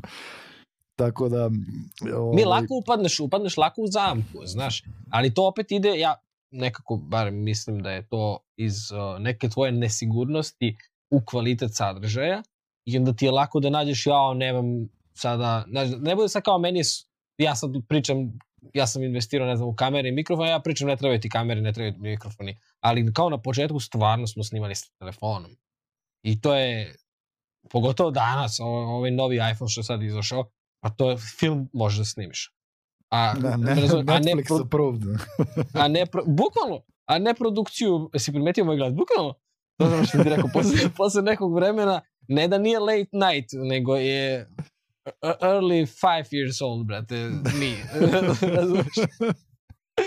ovaj, ali kao stvarno to može da te tako blokira i onda kad vidiš neke profesionalce koji to rade na bezvezan način, realno, mislim, kao trebalo bi da imaš, brat, super opremu ako si snimio 500 epizoda i ako, ako ti to tvoj posao, to treba da bude, ali ako si snimio nula epizoda, može da snimaš sa bilo čim.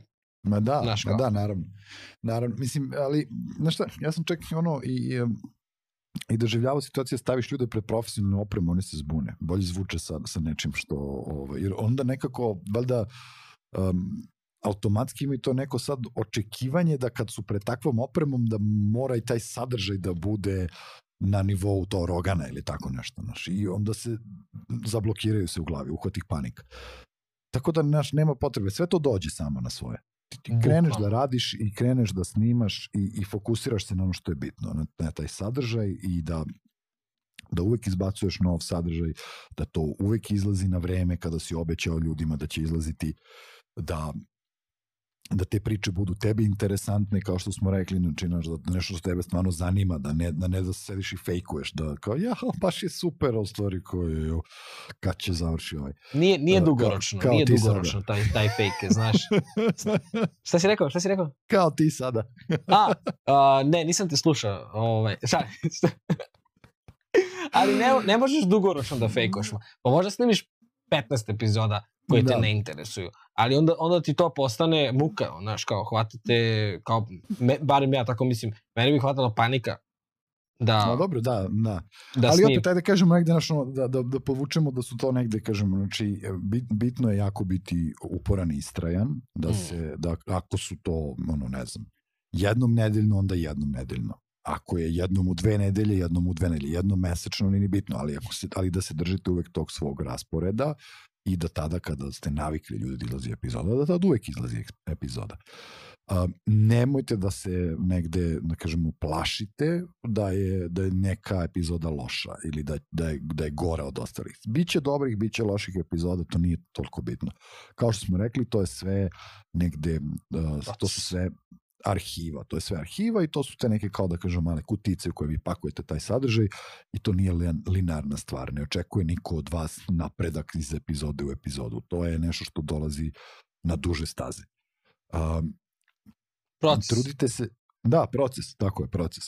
Trudite se da budete profesionalni što više možete, ali opet sa druge strane budite ležerni, nemojte da ono ko um, da u tom profesionalizmu previše napravite neku militantnu atmosferu u podcastu, pa da kao, jeli, ono, gosti da se plaše ili kao sad naš očekuje se, ne znam, nija šta da se, kao da je ovaj, izašao, ne znam, CEO Coca-Cola i sad mora da da neki tačno tamo neke brojke na kraju godine, ne, ne mora ništa, mislim, sve je okej, okay. ako se nešto pogreši, nije problem, snimit će se ponovo, vratit ćete se, nije, nije frka, mislim, evo, ono, pričali smo za sad ovo što se desilo Dašku i Mlađi, mislim, nama se dešava isto, Dešava se, greške se dešavaju, to je normalna stvar, na tome se uči. A ovaj, da nema grešaka ne bi znali gde, gde bijemo, mislim, ne, tako da... Uh, I šta, šta sam još teo da kažem, koji bi još bio neki dobar savjet, a to je da, slušajte svoju zajednicu. Znači, bez zajednice nema ništa. E sad, ta zajednica neće uvek biti na istom mestu. Kao što smo rekli, ne postoji negde uh, neki uh, ono model uspeha podcasta. Svaki podcast je drugačiji, svaki podcast gađa drugačiju zajednicu. Znači, nekom je ta zajednica na jednoj društvenoj mreži, nekom je na drugoj društvenoj. Neko možda nije uopšte na društvenim mrežama, nego se nalazi negde drugde. A, imamo ljude gde on ko njihova zajednica na LinkedInu, nije ni na Instagramu, ni na Facebooku, ni na Twitteru, nego jednostavno na LinkedInu. Ili je na, ne znam, a, ovom, a, kako se zove, Redditu ili na Discordu, znaš, kao na blogovima, na forumima. Pronaći ćete svoju zajednicu i tamo ih lepo slušajte, jer um, svi koji su slušali svoju zajednicu samo imali napredak. Um, na kraju krajeva to se sve, da kažemo, radi zbog tih ljudi. Um, I to je to, mislim, nema, nema tu um, dalje nešto puno, da kažemo, dimenzije, sad, znaš, kao, eksperimentišite. To bi ja volao da vidim. Ajde ne bih da vas ono, ne bih da previše savetujem ljude da to kao od, eksperimentiš od samog početka, ali ko znaš, može da bude ono i to, i to da bude zabavno, može da se pojavi takav neki podcast koji je ono potpuni cirkus kao Monty Python, a u stvari je najbolji podcast ikada. Tako da... To si sada rekao, uh, ja sam pre nego što došao u Ameriku bio u Banja Luci na uh, Play Dayu, čuo si za Play Day organizaciju? Da. I, i, ovaj, i jedan od tri saveta sam nekad dao, tu sam, teo sam pričam o tome, baš vezano za podcast, eksperimentisanje kao ključna stvar. Koja je ne samo da, aj što može da napraviš nešto što je potpuno originalna i strava, nego je nama kao ljudskom biću je potrebno da eksperimentišemo. Znaš, moram da ti priznam da sam bio jako skeptičan što se tiče online razgovora i da sam se donekle malo onako, iako nije prvi, simili smo možda dva, tri pre ovog, ali ja sam kao od uvek izbegavao online razgovore, jer kao ima nešto u tome kada sedneš s nekim teta tet i da. kada se gledamo u oči stvarno, ne ovako, ja gledam malo u te, ti ja obojica kao da Znaš, kao da nećemo da nas neko prozove. Znaš, a za, znaš kao u školi. Zadnje kao, klupi. Kao, ok, stigao sam do prezime K, znači kao ja samo kao Kiković, ne Kosogore, znaš kao, o, bukvalno, ali kao to je, tu su nam ekrani, znaš ali ispalo je baš dobro, proletelo mi je, ne mogu, znaš da, da smo, ja sam sad proverio 2 sata i 25 minuta trenutno snimanja. Uh, što je baš show. Uh, to je, ja mislim, ulazimo u najduži, najduži podcast, a ja imam utisak kao da smo pričali 7 minuta. Ove, pa tako da, da, im, da. ima neke, ima neke uh, lepote i o, u ovom formatu razgovora. Prijatno sam iznenađen Znaš, kao, s obzirom da sam juče sve vreme sa Emilijom pričao i govorio sam, jao, kako će to da izgleda online? Ona kaže, pa kao, samo da internet bude dobar. Ne, ne, kako će da gledam u ovu kameru, ovde, iznad, en me razumeš, kao, to mi je da, bilo da, da. kao, oh, ali, ali ima, imate neke sigurnosti jer si ti tu u tvom prostoru, ja sam ovde u mom prostoru. Nema tog straha od rasvete, kamera, da. Samo da kažemo ovaj, gledalcima i slušalcima, ovo je samo part one. Ima, da, o, part, o, još dva i po Da, da. Minimum. Pa tek onda ulazimo u priče o Marvelu i svemu da. tome. da, doći ćemo do toga polako. Nisam te pitao ništa ni za Finsku, imam mnogo stvari koje sam teo da te pitam, ali sam teo nekako da držim proces, da držim proces, da držim ovaj podcast u pravcu podcasta baš, zato što mislim da je stvarno jako važno pričati o svemu ovome i mislim da radite strava stvar i o, tu sam za sve što bude trebalo i sve što mogu da pomognem, zato što mislim da je, da je ključno, znaš kao, jer odjednom si, svako ko krene da radi podcast krene tako što se osjeća usamljeno i kao, de, de, de bijem sada, u kom pravcu, ali kao ključno je da znaš da imaš zajednicu, ključno je da znaš da imaš još neke ljude koji isto tako se penju na tu neku planinu i za svakog ima mesta. Znaš, da, to ono I to, kao imaš leđa. Da, bukvalno. Bukvalno, bukvalno tako. Prestaću da pričam. Bukvalno. O, to definitivno. Mora, moramo da pričamo i o tome kako si naučio taj glas. Zato što hoću sledeći put kad budemo pričali da misliš da e? pričaš sam sa sobom. vidiš, vidiš. pa mogu bih, ali ne dugo, znaš. Ove, ako imaš poruku za kraj, ako želiš da pozdraviš nekoga, Ovo je, da, šalim se, šalim se, ovo je kao idealno, daš kao celo da. deljenje, razred, nastavnicu. Ovo, ali stvarno hvala ti puno na, ovo je stvarno bilo super. I hvala super tebi, hvala tebi na ovom gostovanju i na, na ovoj prilici da podelimo i sa tvojom zajednicom mm. ovu, ovu našu priču i a, imam za, za tebe jedan, a, jedan savet. A, Ajde. A to je, to je jedna stvar koju sam kod, kod jednog drugara na majici davno pročitao, to mi je uvijek bilo super, a to je keep on keeping up. Keeping, keep on, O. keeping on. Tako da, samo Hvala ti. nastavi, super je sve i ovaj, držimo ti fige i ono, jedva čekamo da vidimo taj, taj novi studio američki. O, da, sprema se, sprema se. Sinoć do 10 smo nešto petljali tamo. Mislim da će uskoro to da bude, da, da super. Mislim, sve ćete da, da, da, da, da znate. Tu smo, tu smo. Uh, hvala, ti, hvala ti puno i na vezi smo, što se kaže, znaš. Tako je. Tako završavamo ovaj podcast, znaš. Ja sam se trudio sve da ne bude onako kao uh, prijatno, hvala, doviđenja, gledajte nas opet, znaš, nego kao, a, tu smo, vidimo se. To, to.